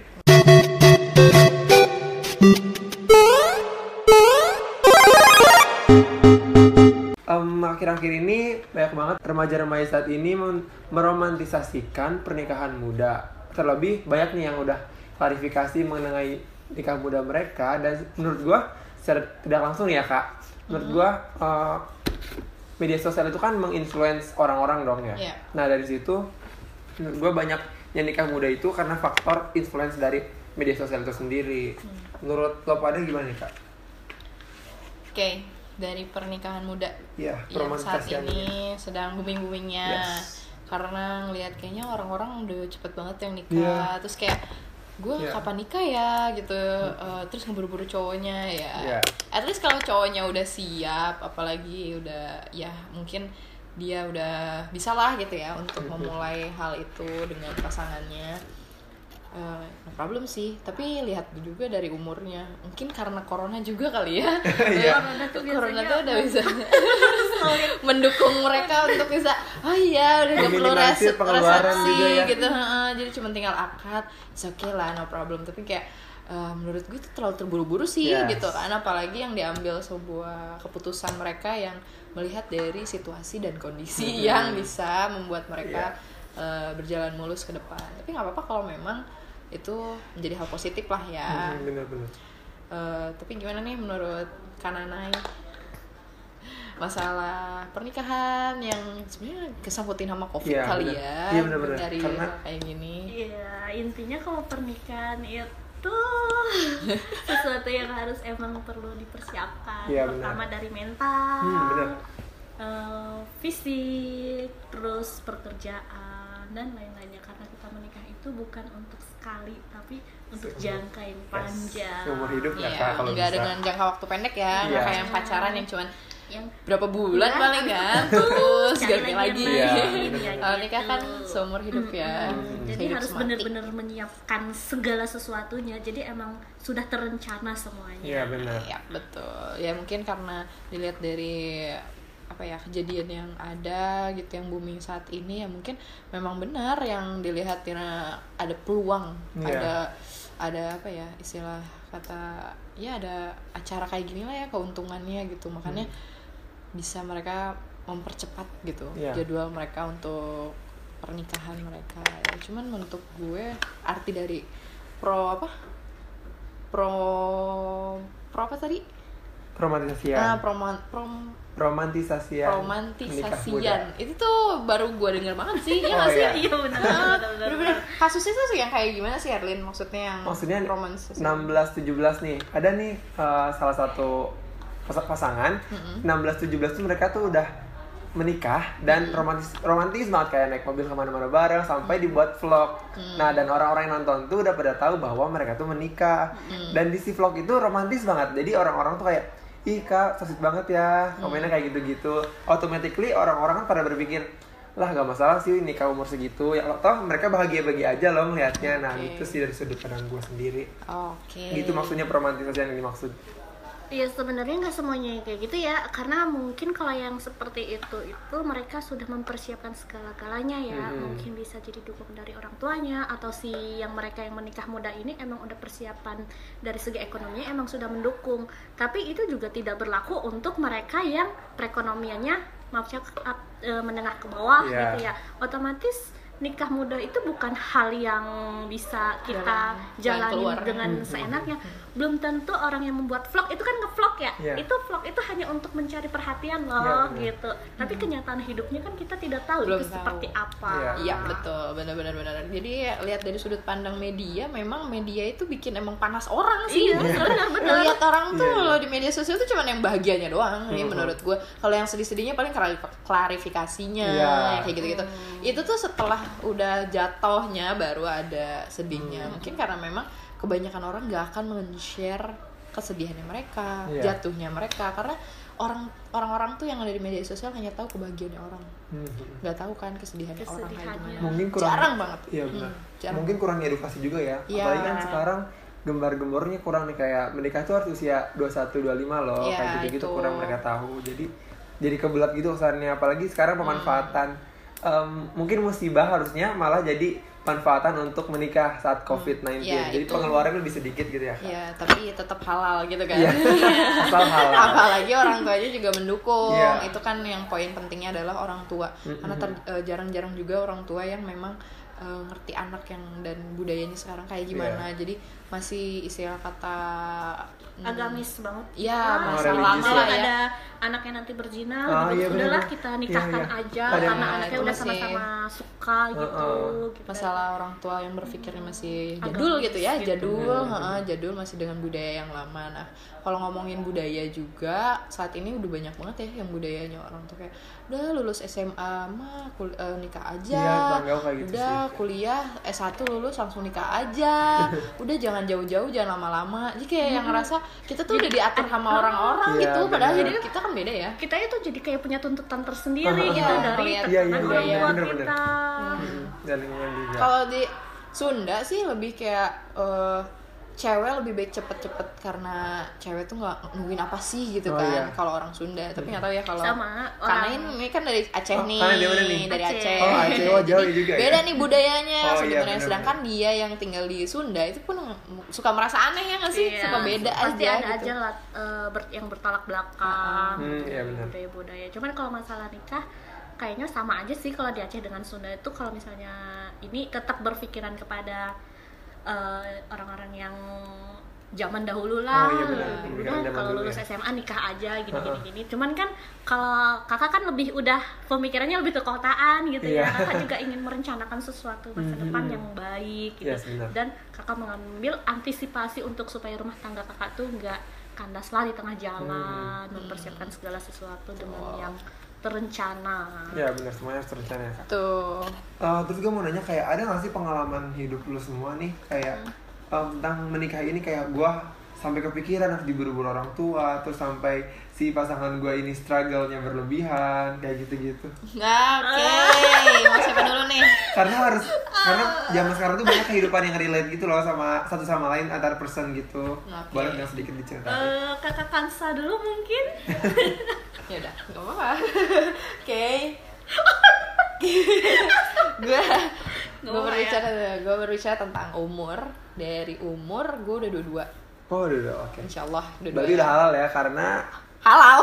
Udah boleh maksudnya. Udah boleh ya ya oke. Dicampur karena menurut BKKBN bui kali ya. iya karena menurut BKKBN BKKBN kan uh, usia dua satu ya. perempuan itu dua satu untuk menikah boleh. okay kok oke it's okay. Eh, sebenarnya di umur dua dua udah harusnya siap gak siap kan kalau Iya. emang orang-orang banyak sih teman gue yang nikahnya di umur di bawah 21 Hmm. atau banyak juga yang saat ini mereka di 21 Iya. karena udah lulus kan kuliah Iya. mereka udah langsung buru-buru aja gitu kan tapi dari pengalaman sendiri di umur 22 ini yang gue rasakan masih ngerasa gue masih kurang kurang segalanya menurut gue Mhm. kayak untuk masuk step ke pernikahan itu gue harus mikirin matang-matang karena banyak banget pengalaman orang-orang di sekitar gue yang memang oh ini yang harus gue preparein. Ternyata gue harus banyak belajar lagi gue harus banyak uh, prepare dari sudut mana pun. Entah Hmm. dari ekonomi entah dari keluarga gue Yeah. entah dari diri guenya sendiri gitu kan. Uh, at least diri gue tuh suka apa ya masih suka main. Oh iya remaja masih suka ya main remaja Wak. terus masih suka bebas Iya, kayaknya lah bener. Remaja sukanya bebas pak bener bener bener. Jadi kayak masih belum berani untuk mengambil fokus gitu loh buat Yeah. fokus untuk ke depan gimana nya entah karena memang pergaulan gue masih masih main gitu Mhm. belum belum banyak yang memang gue gaulnya sama yang udah punya anak itu enggak emang banyak teman gue tapi gue gaulnya nggak dengan itu gitu Oh, maksudnya iya. ngerti kan ya, iya circle gue nya masih emang orang yang happy happy Hmm, orang iya. yang main sana sini dengan sibuk kesibukannya masing-masing jadi kayak gue yang terbawanya nggak harus buru-buru gitu apalagi iya. orang-orang yang banyaknya mengedepankan pendidikan benar. mengedepankan ekonomi dan diri sendiri dan banyaknya yang berpikiran untuk menjadi wanita karir gitu Oh, loh. iya. jadi nggak bergantung dengan suami yang ya udah gue udah nikah udah gue di rumah nah ini tuh diri gue gitu loh cewek-cewek yang wanita karir tuh mungkin di luar sana ada yang berpikiran seperti itu mungkin kayak masih apa ya perhatian sama dirinya masih perhatian sama dirinya Hmm. walaupun gue masih gue punya sih cowok cuman nggak menuntut untuk ayo kita nikah gitu. Iya. enggak kayak ya udahlah jalan aja dulu ngalir aja dulu. Walaupun orang tua gue udah selalu nyindir nyindir kemarin mama eh, ketemu sama teman-teman mama Mam- teman mama udah punya cucu udah ya ini. Halo ini nyindir ya. Sarkasnya enak gitu halus gitu udah suruh ah udah punya anak. Iya eh udah punya cucu. Oh iya. Mama mau nungguin cicit. Buru-buru banget. Jangan buru-buru lah ya. Nah, akhirnya udahlah orang em, tapi orang tua gue masih ngerti sih kayak ya udah nggak apa-apa sok gimana Iya. kamu gimana kamu karena orang tua juga nggak pernah maksain untuk uh, nikah buru-buru lah gitu karena kan yang dipersiapkan oleh orang tua cewek itu yang di. Sunda tuh lebih berat loh kayak istilah Oh. kata uh, buat cateringnya buat makannya buat tempat apa nikahannya kan di cewek terus apa apa di cewek gitu Hmm. kan prepare-nya lebih besar lah benernya nggak tahu nih kalau di Aceh kayak gimana ya soalnya kalau di Sunda sih gitu kan kita Oh, iya, iya. yang didatangin kan cewek Oh, tuh kita cewek yang- yang kok kita lu, lu kan cowok Oh, iya. Soalnya kan gue kan kayak juga. Aduh, dong. enggak enggak enggak gue gue kan cewek kan jadi harus kayak berarti yang orang Sunda tuh kan ke cewek kan cowok yang datang ke cewek Tapi kakak gue nikah ini loh apa namanya eh, istrinya tuh orang gondong Sunda. Tapi kita nyamperin juga budaya Oh berarti sama mungkin gitu ya. sama ya jadi Iya. ya gitu sih Sama sama juga, sama juga pasti cewek kan yang nungguin Iya, ya nggak cowok Cewek kan yang nunggu. Tapi jangan terlalu lama juga ya nunggunya. Ah, Pengalaman hidup ya kayaknya. Pengalaman banget soalnya. bener bener bener bener tapi nggak tahu nih kalau kalian naik kayak gimana sih Hmm, dari cerita pengalaman aku ya, hmm, aku tuh udah di usia ini di usia karena yang berapa usia kan Usia berapa nih? terlalu matang ya atau emang lambat menikah ya? Gimana tuh? terlalu Gimana tuh? matang Terlalu- Enggak sih, kalau dibilang terlalu matang Matang juga juga sih. enggak. Kalau dibilang tengah-tengah lah. terlalu Oh. terlambat menikah juga enggak, soalnya umur aku baru 24 mau jalan 25 ya. Oh, iya. Masih lama sih 25-nya juga. Kalau pengalaman aku itu tentang menikah, aku mungkin pernah sempet eh, dilamar di umur enggak bukan di umur berapa ya? Maksudnya umur 23 udah sempet, umur 24 udah sempet dan Iya. ini menjalani 25 juga sempet ada yang mendatangin ke rumah. Iya. Tapi ya dengan mungkin akunya memilih juga beda tradisi gitu ya. Iya. Kayak yang pertama tahun eh, waktu umur aku 23 itu orang Jawa, tapi ternyata berbeda dan bertolak belakang begitu juga dengan orang yang Padang bertolak Iya. belakang dan akhirnya sekarang nih aku deket sama orang Sunda akhirnya juga Sama. sama seperti Aduh. itu. jadi kayak banyak ya dia udah melanglang buana Melanglang udah dari Jawa dari Padang? Sunda Semua budaya cobain ya?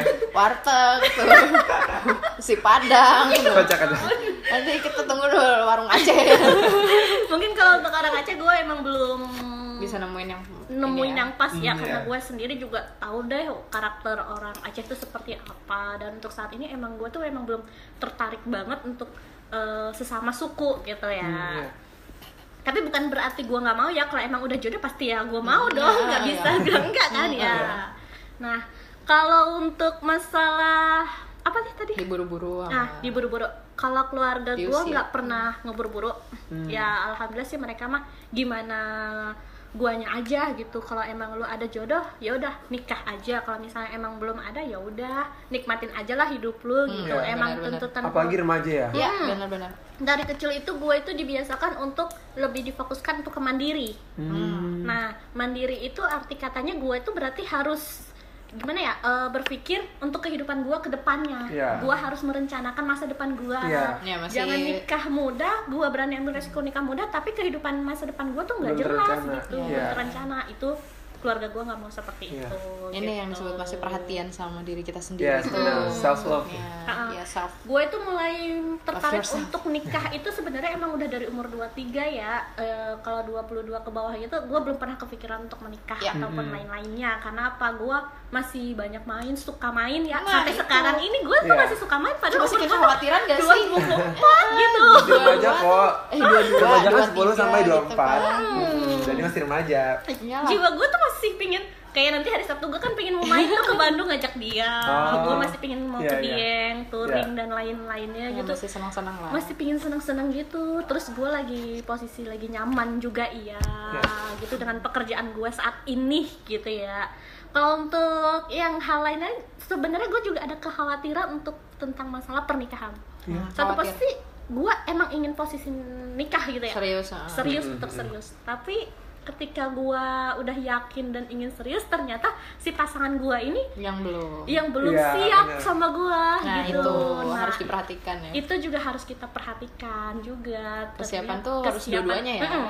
Kalau untuk menikah itu bukan perkara untuk eh kitanya siap tapi pasangannya kita belum siap Ya. itu nggak bisa juga nggak bisa kita paksakan menikah itu si cewek siap si cowok tuh harus siap baru Hmm. kita bisa menikah siap arti katanya itu siap apa aja? Yaitu seperti tadi. Pertama ya mental fisik, Fisik. perekonomian Iya. keluarga ya terus pendidikan. pendidikan, Pendidikan, gitu. Pendidikan dalam arti di sini juga kan pendidikan tuh luas ya. Iya. nggak hanya tentang sekolah gitu Nah, tapi maksudnya kayak pendidikan yang kita mengerti tentang gimana artinya jika berkeluarga Hmm, bener-bener, gimana ya. ngurus anak gimana berhadapan dengan seseorang terus juga ya gitu cara banyak mensikapi iya. permasalahan-permasalahan hidup itu juga Heeh. itu butuh juga pelajaran ya itu juga pendidikan Iya. gitu Memar- apalagi kita itu menyatukan dua karakter ya eh, Iya. dua karakter yang berbeda pengalaman aku kan emang bukan sesatu suku tuh ya Iya. untuk menyatukan dua karakter itu nggak mudah gitu Yes. jadi masih butuh banyak proses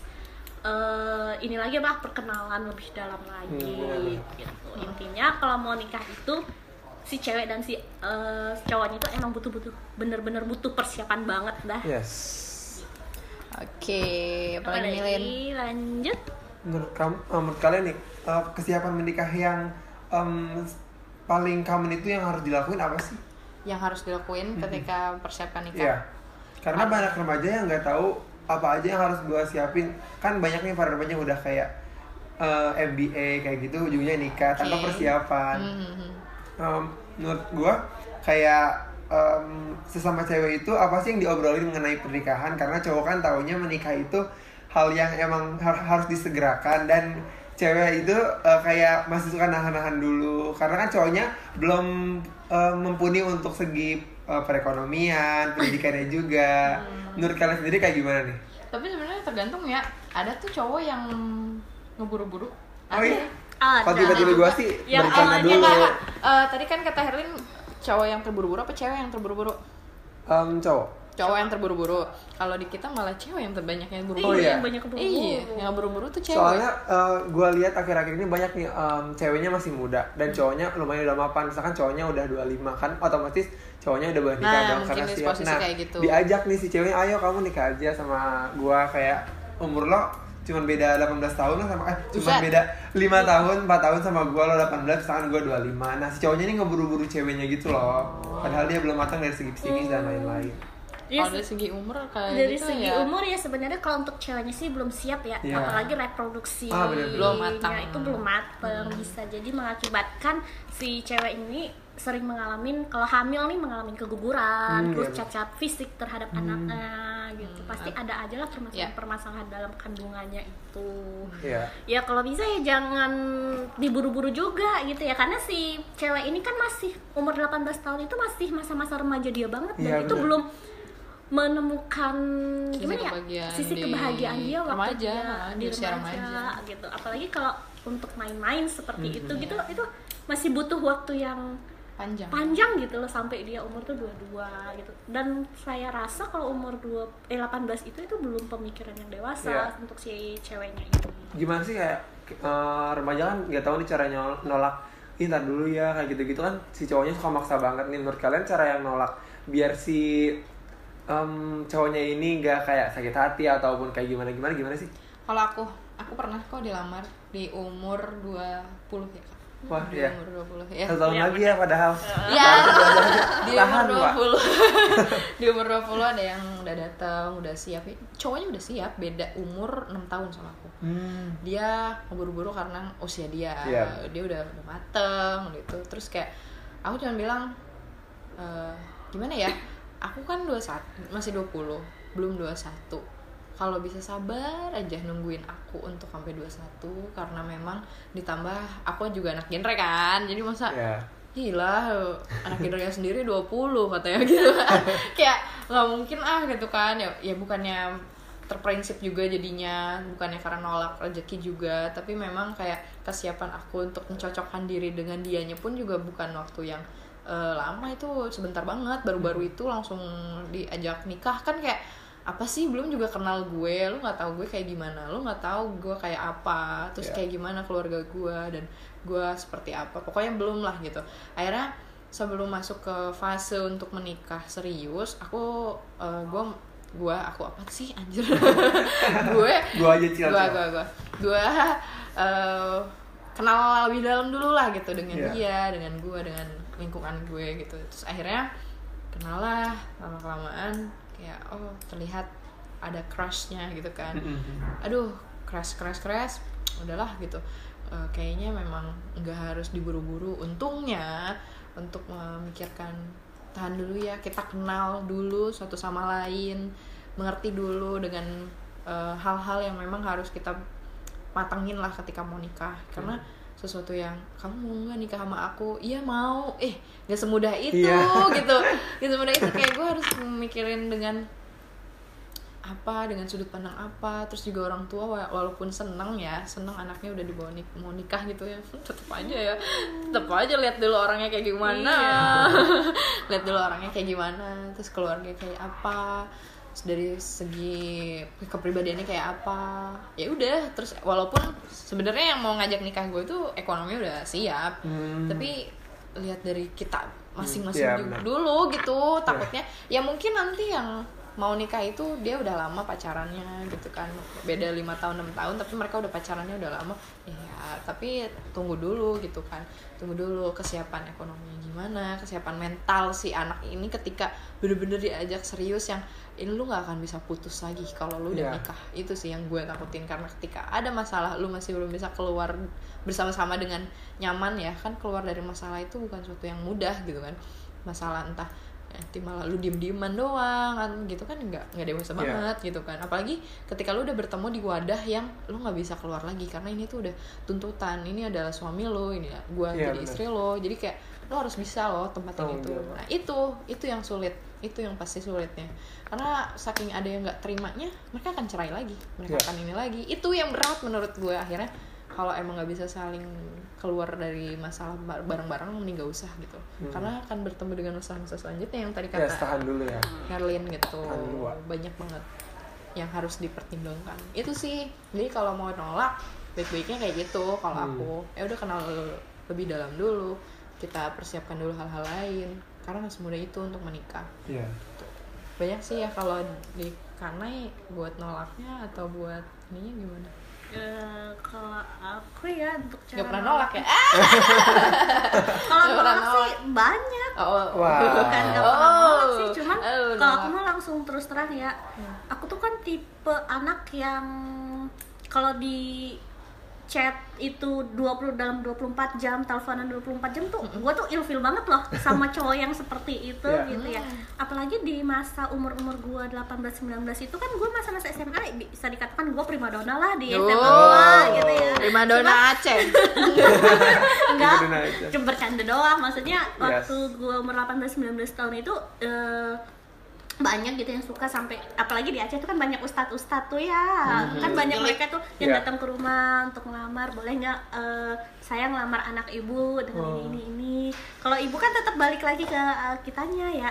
Eh gue kok mau dilamar? Umur gue masih muda ya. Gue masih mau main sana sini. Iya. sedangkan gue juga pulang sekolah sering bareng nongkrong teman-teman gue kayaknya ya gue bilang sama keluarga gue "Eh, ibu Nai belum siap untuk nikah saat ini karena Nai masih pingin main dulu sama anak-anak yang lain gitu. Hmm. Paling nanti ibu yang nolak secara halus lah ke yang si ustadz ini yang mau ngelamar gua Oh, iya. gitu. Terus pernah juga gua sama perawat juga tuh yang di Banda Aceh. Eh, banyak juga ya enggak, enggak banyak juga Oh, ya. enggak. Enggak, enggak. Nah, Cuman solusin lah pernah sama perawat di Banda Aceh ngajakin serius nikah waktu itu kalau nggak salah umur gue tuh masih 19 tahun hmm. hmm, gue tuh belum kepikiran sedangkan posisi gue tuh udah kerja di Jakarta Hmm. gue tuh udah pindah ke Jakarta 19 tahun tuh gue tuh belum kepikiran buat nikah gitu karena apa ya gue tuh masih kepingin kerja dulu gue masih pingin mapan dulu gitu jadi gue bilang kayak gini "Eh, abang maaf Wanita Nai karir. nggak bisa Oh, iya. nikah di umur sekarang karena Nai emang masih ingin bekerja dan melanjutkan pendidikan Nai lagi yang lebih jauh gitu. Hmm. Terus apakah abang bisa mengerti kalau emang abang bener suka dan sayang sama Nai, paling abang tunggu Nai aja untuk beberapa tahun lagi ya. Iya. Seperti itu. Kalau misalnya abang tidak bisa, Boleh. yang abang boleh mencari yang lain dan kita berhenti sampai di sini saja. Dan alhamdulillahnya ya mungkin karena eh, pacar gue sebelumnya yang mungkin umur jarak bedanya hampir empat tahun sama gua ya dia nerima apa keputusan gua Iya. dan kemauan gua Iya. gitu jadi intinya saling terbuka aja dan dia itu emang mau pingin nikah gitu loh posisinya Mhm. gitu Umur berapa cowoknya kak? 24 waktu itu Oh, cuman dia 24. udah perawat di Banda Aceh ya Oh. mungkin karena dia orang ada ya Ya. Uh, orang tuanya juga mendukung dia juga udah punya rumah kalau misalnya di, bisa dikatakan dia tuh toke lah ayahnya Oh. terus dia apa? Toke toke ya? itu Toke kayak ya? bos Oh, bahasa bos. apaan toke? besar gitu Gua kira hewan. bukan toke Oh, kalau di Aceh tuh Toke itu toke bahasa Aceh ya? Oh. bos-bos kayak bos besar padahal eh, sembako besar doang sembako jualan sembako kayak gitu cuman kita sering bilang sih toke gitu. Hmm, iya. Hmm, gila ya toke. Tokenya, bukan toke toke kan bawa rezeki ya? Jangan, hmm, benar benar rezekinya besar emang. Rezekinya besar. Wah, asik banget ya berarti pengalaman hidupnya cuma sudah cukup banyak juga ya ibu-ibu ini. Bukan Saya menjadi pembelajaran sebagai remaja, saya kan bisa merefleksikan diri saya, mencerminkan. kalau dibilang ibu jangan bilang saya ibu ya soalnya muka saya masih baby face oh, iya, banget iya. lah untuk calon ibu tapi. Apalagi aku. muka kamu sama saya aja lebih tua muka kamu Aduh, ya Allah, ketahuan kan gambarannya Ketahuan gimana? saya. Untuk ini podcast ya, nggak bisa ngeliat muka saya.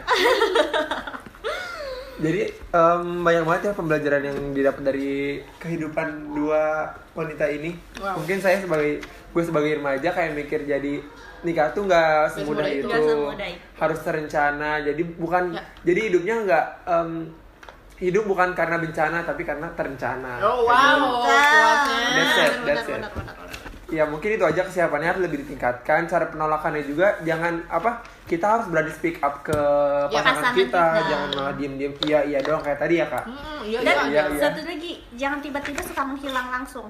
Jadi sebelum kita menikah itu kita harus lebih mengenal pasangan kita dulu, tuh. Mhm, benar. Eh, lebih mateng, lebih apalagi dalam. ya ya antar budaya kan Iya. apalagi karena kan beda-beda ya kayak Iya, antar jadi budaya antara Aceh dengan Sunda beda, antara Aceh dengan Jawa juga beda Iya. gitu. Itu sangat dipentingkan waktu kita sebelum menikah itu dipersiapkan dan lebih memperkenalkan lagi nikah. budaya-budaya mereka ya. Mm-mm, nikah di adat eh, kakak gimana, nikah di Iya. adat Sunda itu bagaimana, itu lebih penting banget sih. kalau di Sunda kan maharnya se ya mungkin ya nggak tahu kalau keluarga beda lagi. Misalnya mungkin ada berbeda keluarga-keluarga yang punya tarafnya lah. Taraf maharnya mereka berapa kalau di Sunda. Tapi nggak tahu ya kalau di gue sih ya semampunya mereka yang memang udah deal-dealan sama keluarganya gitu. Tapi kalau misalnya di Medan denger-denger sih teman gue tuh susah banget buat nikah karena dipatok. Dia tuh udah eh, S1 kan? Iya. nah katanya sih mahar dia sampai 100 juta deh Wah, katanya. iya. karena teman gue cewek ya. Oh. terus kayak harus si cowoknya tuh harus ngebayar eh, ke orang tuanya itu sesuai dengan yang dibiayain orang tuanya. Si cewek dari lahir ya dari dari lahir sampai ke dia sekolah terakhir. Nah sekolah terakhirnya dia satu ya harus bayar lah. Berapa? Tuh jumlah di jumlah lah itu. Di jumlah lah itu. Pusing kan kan nah makanya katanya orang tuanya pada pingin nyarinya kayak dokter polisi mungkin karena gajinya gede atau gimana ya. Karena gue nggak tahu ya tapi ya katanya gitu. Terus teman gue juga ada yang orang Padang cewek cowoknya Sunda. Ngiketnya sampai bilang si cewek ceweknya ini bisa beli si cowok ini Oh, beli. gitu Iya. jadi Oh, iya itu juga pengalaman itu. di Belajar gua di soalnya gua. gua juga Ya, gimana? berpengalaman di situ juga sama pacaran sama orang Padang Padang. Nah, kalau Padang gimana tradisinya ya kayak gitu kalau misalnya kita itu sih benar-benar Padang ya Padang eh, rantau pa- Padang panjang atau Pariaman bukan sih? Padang Pariaman Apa? gitu pokoknya intinya cowok gua itu eh, pingin adat dari keluarganya itu guanya yang ngebeli eh, bukan ngebeli ya gua klarifikasi lagi bukan ngebeli cuman maharnya itu gua yang harus ngasih ke si pihak cowoknya Oh. Bias, eh, dibilang si keluarga cowok gua sih eh, dengan seharga satu kepala kerbau gitu. Hmm. cuman berapa tuh kak satu, satu kepala kerbau? itu ya paling 30 juta gitu ya. Cuman ada beberapa yang sampai harganya beberapa juta Oh, iya. beberapa puluh juta. Gimana kebonya kali nggak kebo lagi. Bukan hanya satu atau Oh, iya. beberapa kerbau kali. Oh my God. kalau kan emang cowok kan orang biasa aja Ya, bukan tentara harus- dokter dan ini itu bukan. Cuman hanya bilang satu kepala kerbau. Ya cuman kalau emang sama-sama cinta dan cowoknya suka sama gue ya berarti dia yang harus bantu gue dong. Hmm. kalau misalnya ngikutin adat dia gitu. Oh. cuman kan di sini gue juga posisinya keluarga gue juga Orang mempertahankan Aceh, punya- orang Aceh iya, punya budaya punya Aceh. budayanya masing-masing. Budaya Aceh gimana kak? Biasanya sih kita nikah itu bukan pakai gram ya tapi pakai mayam gitu ya beberapa mayam gitu ya. Apalagi satu mayamnya? Mm, satu mayam itu biasanya 3,3 mili 3 Gram. gram, 3 mili gitu. Hmm, 3 tiga gram. lebih lah gitu satu ya. mayam Mm-mm. apalagi kalau di keluarga gua rata-rata sih cuman ya gua juga nggak mau ngeberatin juga. Cuman adalah setiap keluarga itu memiliki harga patokan tersendiri Ah, masing-masing. standar ya standar. Harganya masing-masing dan itu biasa dilihat dari background latar belakang keluarganya itu seperti apa dan pendidikannya si anaknya juga berapa berpengaruh gitu terhadap si mahar si cewek Hmm. ini dan di situ juga gue menemukan ketidakcocokan dan akhirnya Hmm. gue kandas di tengah jalan karena Padang dan karena Padang dan Aceh, Aceh ternyata tuh tidak sinkron, sinkron. Iya. gitu ya Heeh. terus terus pengalaman gue juga sama yang orang Jawa sama seperti itu kalau Jawa kan karena gimana Kak, orang Jawa itu kan kalem, kemayu, lemah lembut. Ya. Atuh, eh, bahasa Indonesia aja ya, Jawanya nggak bisa gua. Hmm, terlalu mahal cewek Aceh nggak berani nikahinnya dan terlalu jauh bla bla bla bla alasannya ya anaknya yang suka sama gua gua suka sama anaknya kita mencoba mempermudah tapi keluarganya udah Iya. Mundur duluan. mundur duluan dan akhirnya gua juga kagak jadi susah banget nikahnya orang beda iya. suku tuh ya Allah Terus yang terakhir juga ini tadi kemarin ya, hmm, terakhir sama orang Sunda ya. Waktu gua nolak untuk pacaran, dia datang ke rumah gua Hmm, dengan nikah. menikah, ngelamar gitu ya karena gua nolak Hmm. untuk pacaran, dia memberaniin diri. Ketika dia dengar uh, omongan-omongan keluarga gua, kakak gua kayak gini gini gini gini dan akhirnya ya mundur lagi dianya juga mundur lagi Aduh. dari gua. Kayaknya cewek Aceh tuh terlalu mahal atau gimana sih soalnya gitu. minta berapa mayam kan kalau Eh, kakak kakak nih eh, mungkin kalau- beda-beda kan sama kak- kakak kakaknya kakak tuh biasanya sih karena kakaknya kakak tuh biasanya yang kakak pertama itu kan dia memang uang karena dia nikahnya sama orang sini uang tunai sekian tapi dengan seharga mahar kita yang di sana gitu. Lak- eh, pokoknya kita kan minimal rata-rata itu 15 mayam. Terus kakak kedua itu juga 15 mayam. Terus kakak ketiganya kakak itu 17 mayam plus sama 5 mayam berarti 22 mayam dong. Nah kalau dari kakaknya kak kalau dari aku pribadinya aku tuh nggak memberatkan karena akunya sendiri yang nyari orang berbeda suku gitu loh beda sama kakak-kakak aku yang nikahnya sama orang Aceh lagi gitu yang Kak. sanggup ya bayar berapa bener-bener mayam sanggup gitu kalau aku kan emang ingin mencari sesuatu yang di luar itulah gitu Lebih yang- explore lagi ya. Mm, karena akunya Berbeda. juga Iya, emang berbeda. pingin lain dari yang lain walaupun Hmm. aku anak yang paling kecil gitu ya ternyata waktu eh, si cowok aku datang ke rumah dan kakak aku mendeklarasikan seperti itu karena jangan sampai menjatuhkan adiknya yang demikian demikian demikian dan lain-lain lainnya. Ya akhirnya dianya juga mundur. Padahal akunya juga sendiri udah udah siap aja siap nerima aja nerima aja. Tapi dianya ternyata belum siap. Ya itu dengan mungkin Dengan kondisi maharnya gitu, maharnya sekian dan dianya juga baru lulus S2 ternyata Hmm. dianya juga belum kerja gitu. Tapi eh, gambaran mayam di Aceh tuh kayak menggambarin harga dirinya perempuan Oh, gitu? sih Ah, iya jadi oh iya benar. berapa mayam yang dibeli sama laki-laki tuh pihak laki-laki tuh menggambarkan harga dirinya harga Oh. dirinya Makanya- padahal ya gimana ya menurut aku sih kayak itu eh, istilah kata kasarnya adalah dibelilah gitu Iya. kayak jadi kayaknya Hmm. orang Aceh tuh kayak ngejual anaknya Iya. gitu Secara tidak langsung. secara Iya. tidak langsung tapi jangan berpikir seperti itu dulu Iya, ya itu kan karena Bukan tradisi tradisi, orang Aceh, budaya namanya. budaya ya yang mungkin emang setiap keluarga setiap ini yang emang nggak bisa di nggak bisa disamain. Disamain gitu ya. Kalau misalnya dari aku pribadi mah aku mah nggak mau ribet ya kalau nikah ya. Cuman kan masalahnya balik lagi ke keluarga aku gitu. Dan kalau emang dia suka sama aku ya berarti dianya ngikutin tradisi aku. Jadi seharusnya itu pasangan itu harus saling melengkapi Tim, saling membantu. membantu eh, saling meringankan mahar Iya. dan akunya juga seharusnya eh, udah ngomong sama keluarga-keluarga aku cuman keluarga aku ya akhirnya setuju gitu ya. Ya asal jangan menjatuhkan harga eh, adiknya lah yang paling kecil karena udah nggak ada adik ceweknya yang lain Hmm, lagi gitu. Masalah karena kakak-kakak aku tinggi gitu bukan eh, tinggi sih. Kalau segitu sih standar ya kalau kita orang Aceh. Iya. 15 Nah, mayam 15 mayam itu standar gitu. Kalau dibiasain hitungin gram berapa? 15 mayam teh. Eh, 49 gram sih 49 gram Eh, soalnya satu ada gramnya lagi aja berapa temen teman-teman aku sepupu sepupu aku itu Wow. rata-rata sampai 30 mayam ada juga sampai yang 35 mayam itu kan udah 100 gram lebih itu ya wow Hmm. pendidikannya juga lihat padahal cuma hanya bidan doang gitu loh nggak boleh gitu sih Iya sih, guys nggak boleh gitu juga. Iya, Tergantung kan keluarga dan tergantung iya. orang tua sih karena Yes.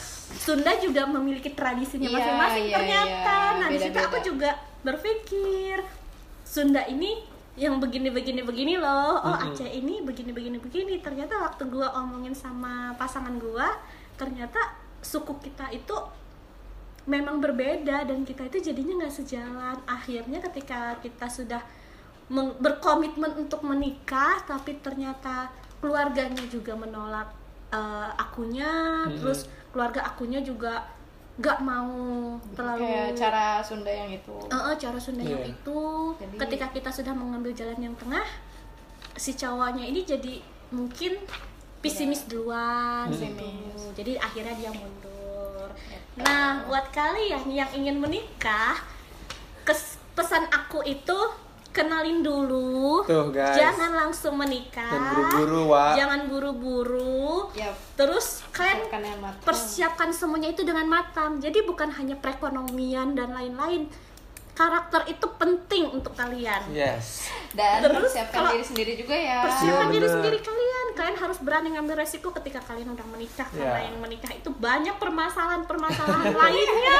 Ya guys, itu complicated banget ya menikah itu. Jadi gue tahan dulu Iya. deh ya kayaknya nggak bakal ya buru-buru. Jangan. hati-hati Terus pokoknya yang kenal yang beda budaya ya hati-hati Kenalin budaya juga. Iya, penting, benar-benar. sangat penting. Iya. Kesiapan benar. Berarti menikah itu line, outline obrolan kita sebenarnya ka- kayaknya pernikahan antar budaya gitu ya. pernikahan antar budaya, Iya, benar nih. Benar pernikahan antar budaya yang membuat emang eh, ternyata banyak banget gejolak yang berbeda ya dari Iya. sudut pandang budaya. Eh namanya juga budaya di Indonesia banyak banget dan emang eh, menjadi ciri khas lah bagi Indonesia ya. Yes. Kenapa bisa berbagai suku dan sekarang terbukti ya yang mau nikah tuh beda-beda pun banyak aturannya, Mm-mm. banyak sudut pandangnya, banyak aturan yang memang ya udah banyak aturan emang hidupnya. Tapi bagus tuh muda itu jadi Iya, benar, minimalisir benar, benar. adanya pernikahan muda juga kan. Iya, jadi nggak benar. buru-buru, lebih Benar. terencana lagi. Apalagi tadi yang maharnya sampai sekian Mempersiapkan gram gitu. segalanya. Yes. 40. Yes. Tapi ya 9 intinya gram. yang namanya mahar ya balik lagi ke, Ke istri keluarganya. ya, ke Iya. keluarganya lagi. benar. Terus mahar itu bukan diartikan untuk ngejual atau ngebeli atau gimana mana ya. Sebenarnya kita tuh positive thinking mahar itu untuk modal kita setelah berumah tangga Iya, loh. Iya, gitu, Sebenarnya itu hitungannya tabungan. Iya. Ketika suami kita tidak memiliki uang, kita bisa menggunakan mahar, Mahar istri. Yap, untuk itu membantu sih. suami kita. Iya, Intinya kalian Oke. positive thinking juga terhadap orang Aceh ya. Karena gue gak mau dibilang Aceh tuh aneh-aneh kayaknya Aceh berat tuh banget berat ya, banget padahal enggak, enggak, mungkin padahal budaya lain budaya Yes. lain mungkin ada mungkin yang lebih beda. berat contohnya aja kayak Manado itu jauh banget Mhm. beratnya tuh kalian pasti tahu cari aja nanti searching tentang budaya Manado Papua itu Hmm. Oh. Sebenarnya beda-beda Oh. banget sebenarnya budaya ini uh, ada positifnya ada negatifnya menurut Iya. aku sih ada yang budaya yang harus dipertahankan ada juga yang harus ditinggalkan Iya. kayak gitu ya Nah, mungkin lebih bisa di-upgrade lagi ya budaya Iya, juga budaya, iya. dengan adanya modernisasi saat ini. yes Ya, ya that's the conclusion is about this podcast pernikahan antar budaya. Ya. antar budaya. kesiapan Congratulations for menikah itu disiapkan disiapkan ya intinya kesiapan menikah itu harus disiapkan dari segi fisik, psikis, ekonomi, pendidikan bahkan harus mengenal satu sama lain baik itu dari culture-nya itu sendiri. Semoga Yap. podcast ini bermanfaat untuk kalian. See you guys in the next podcast. Bye. Bye bye. Bye.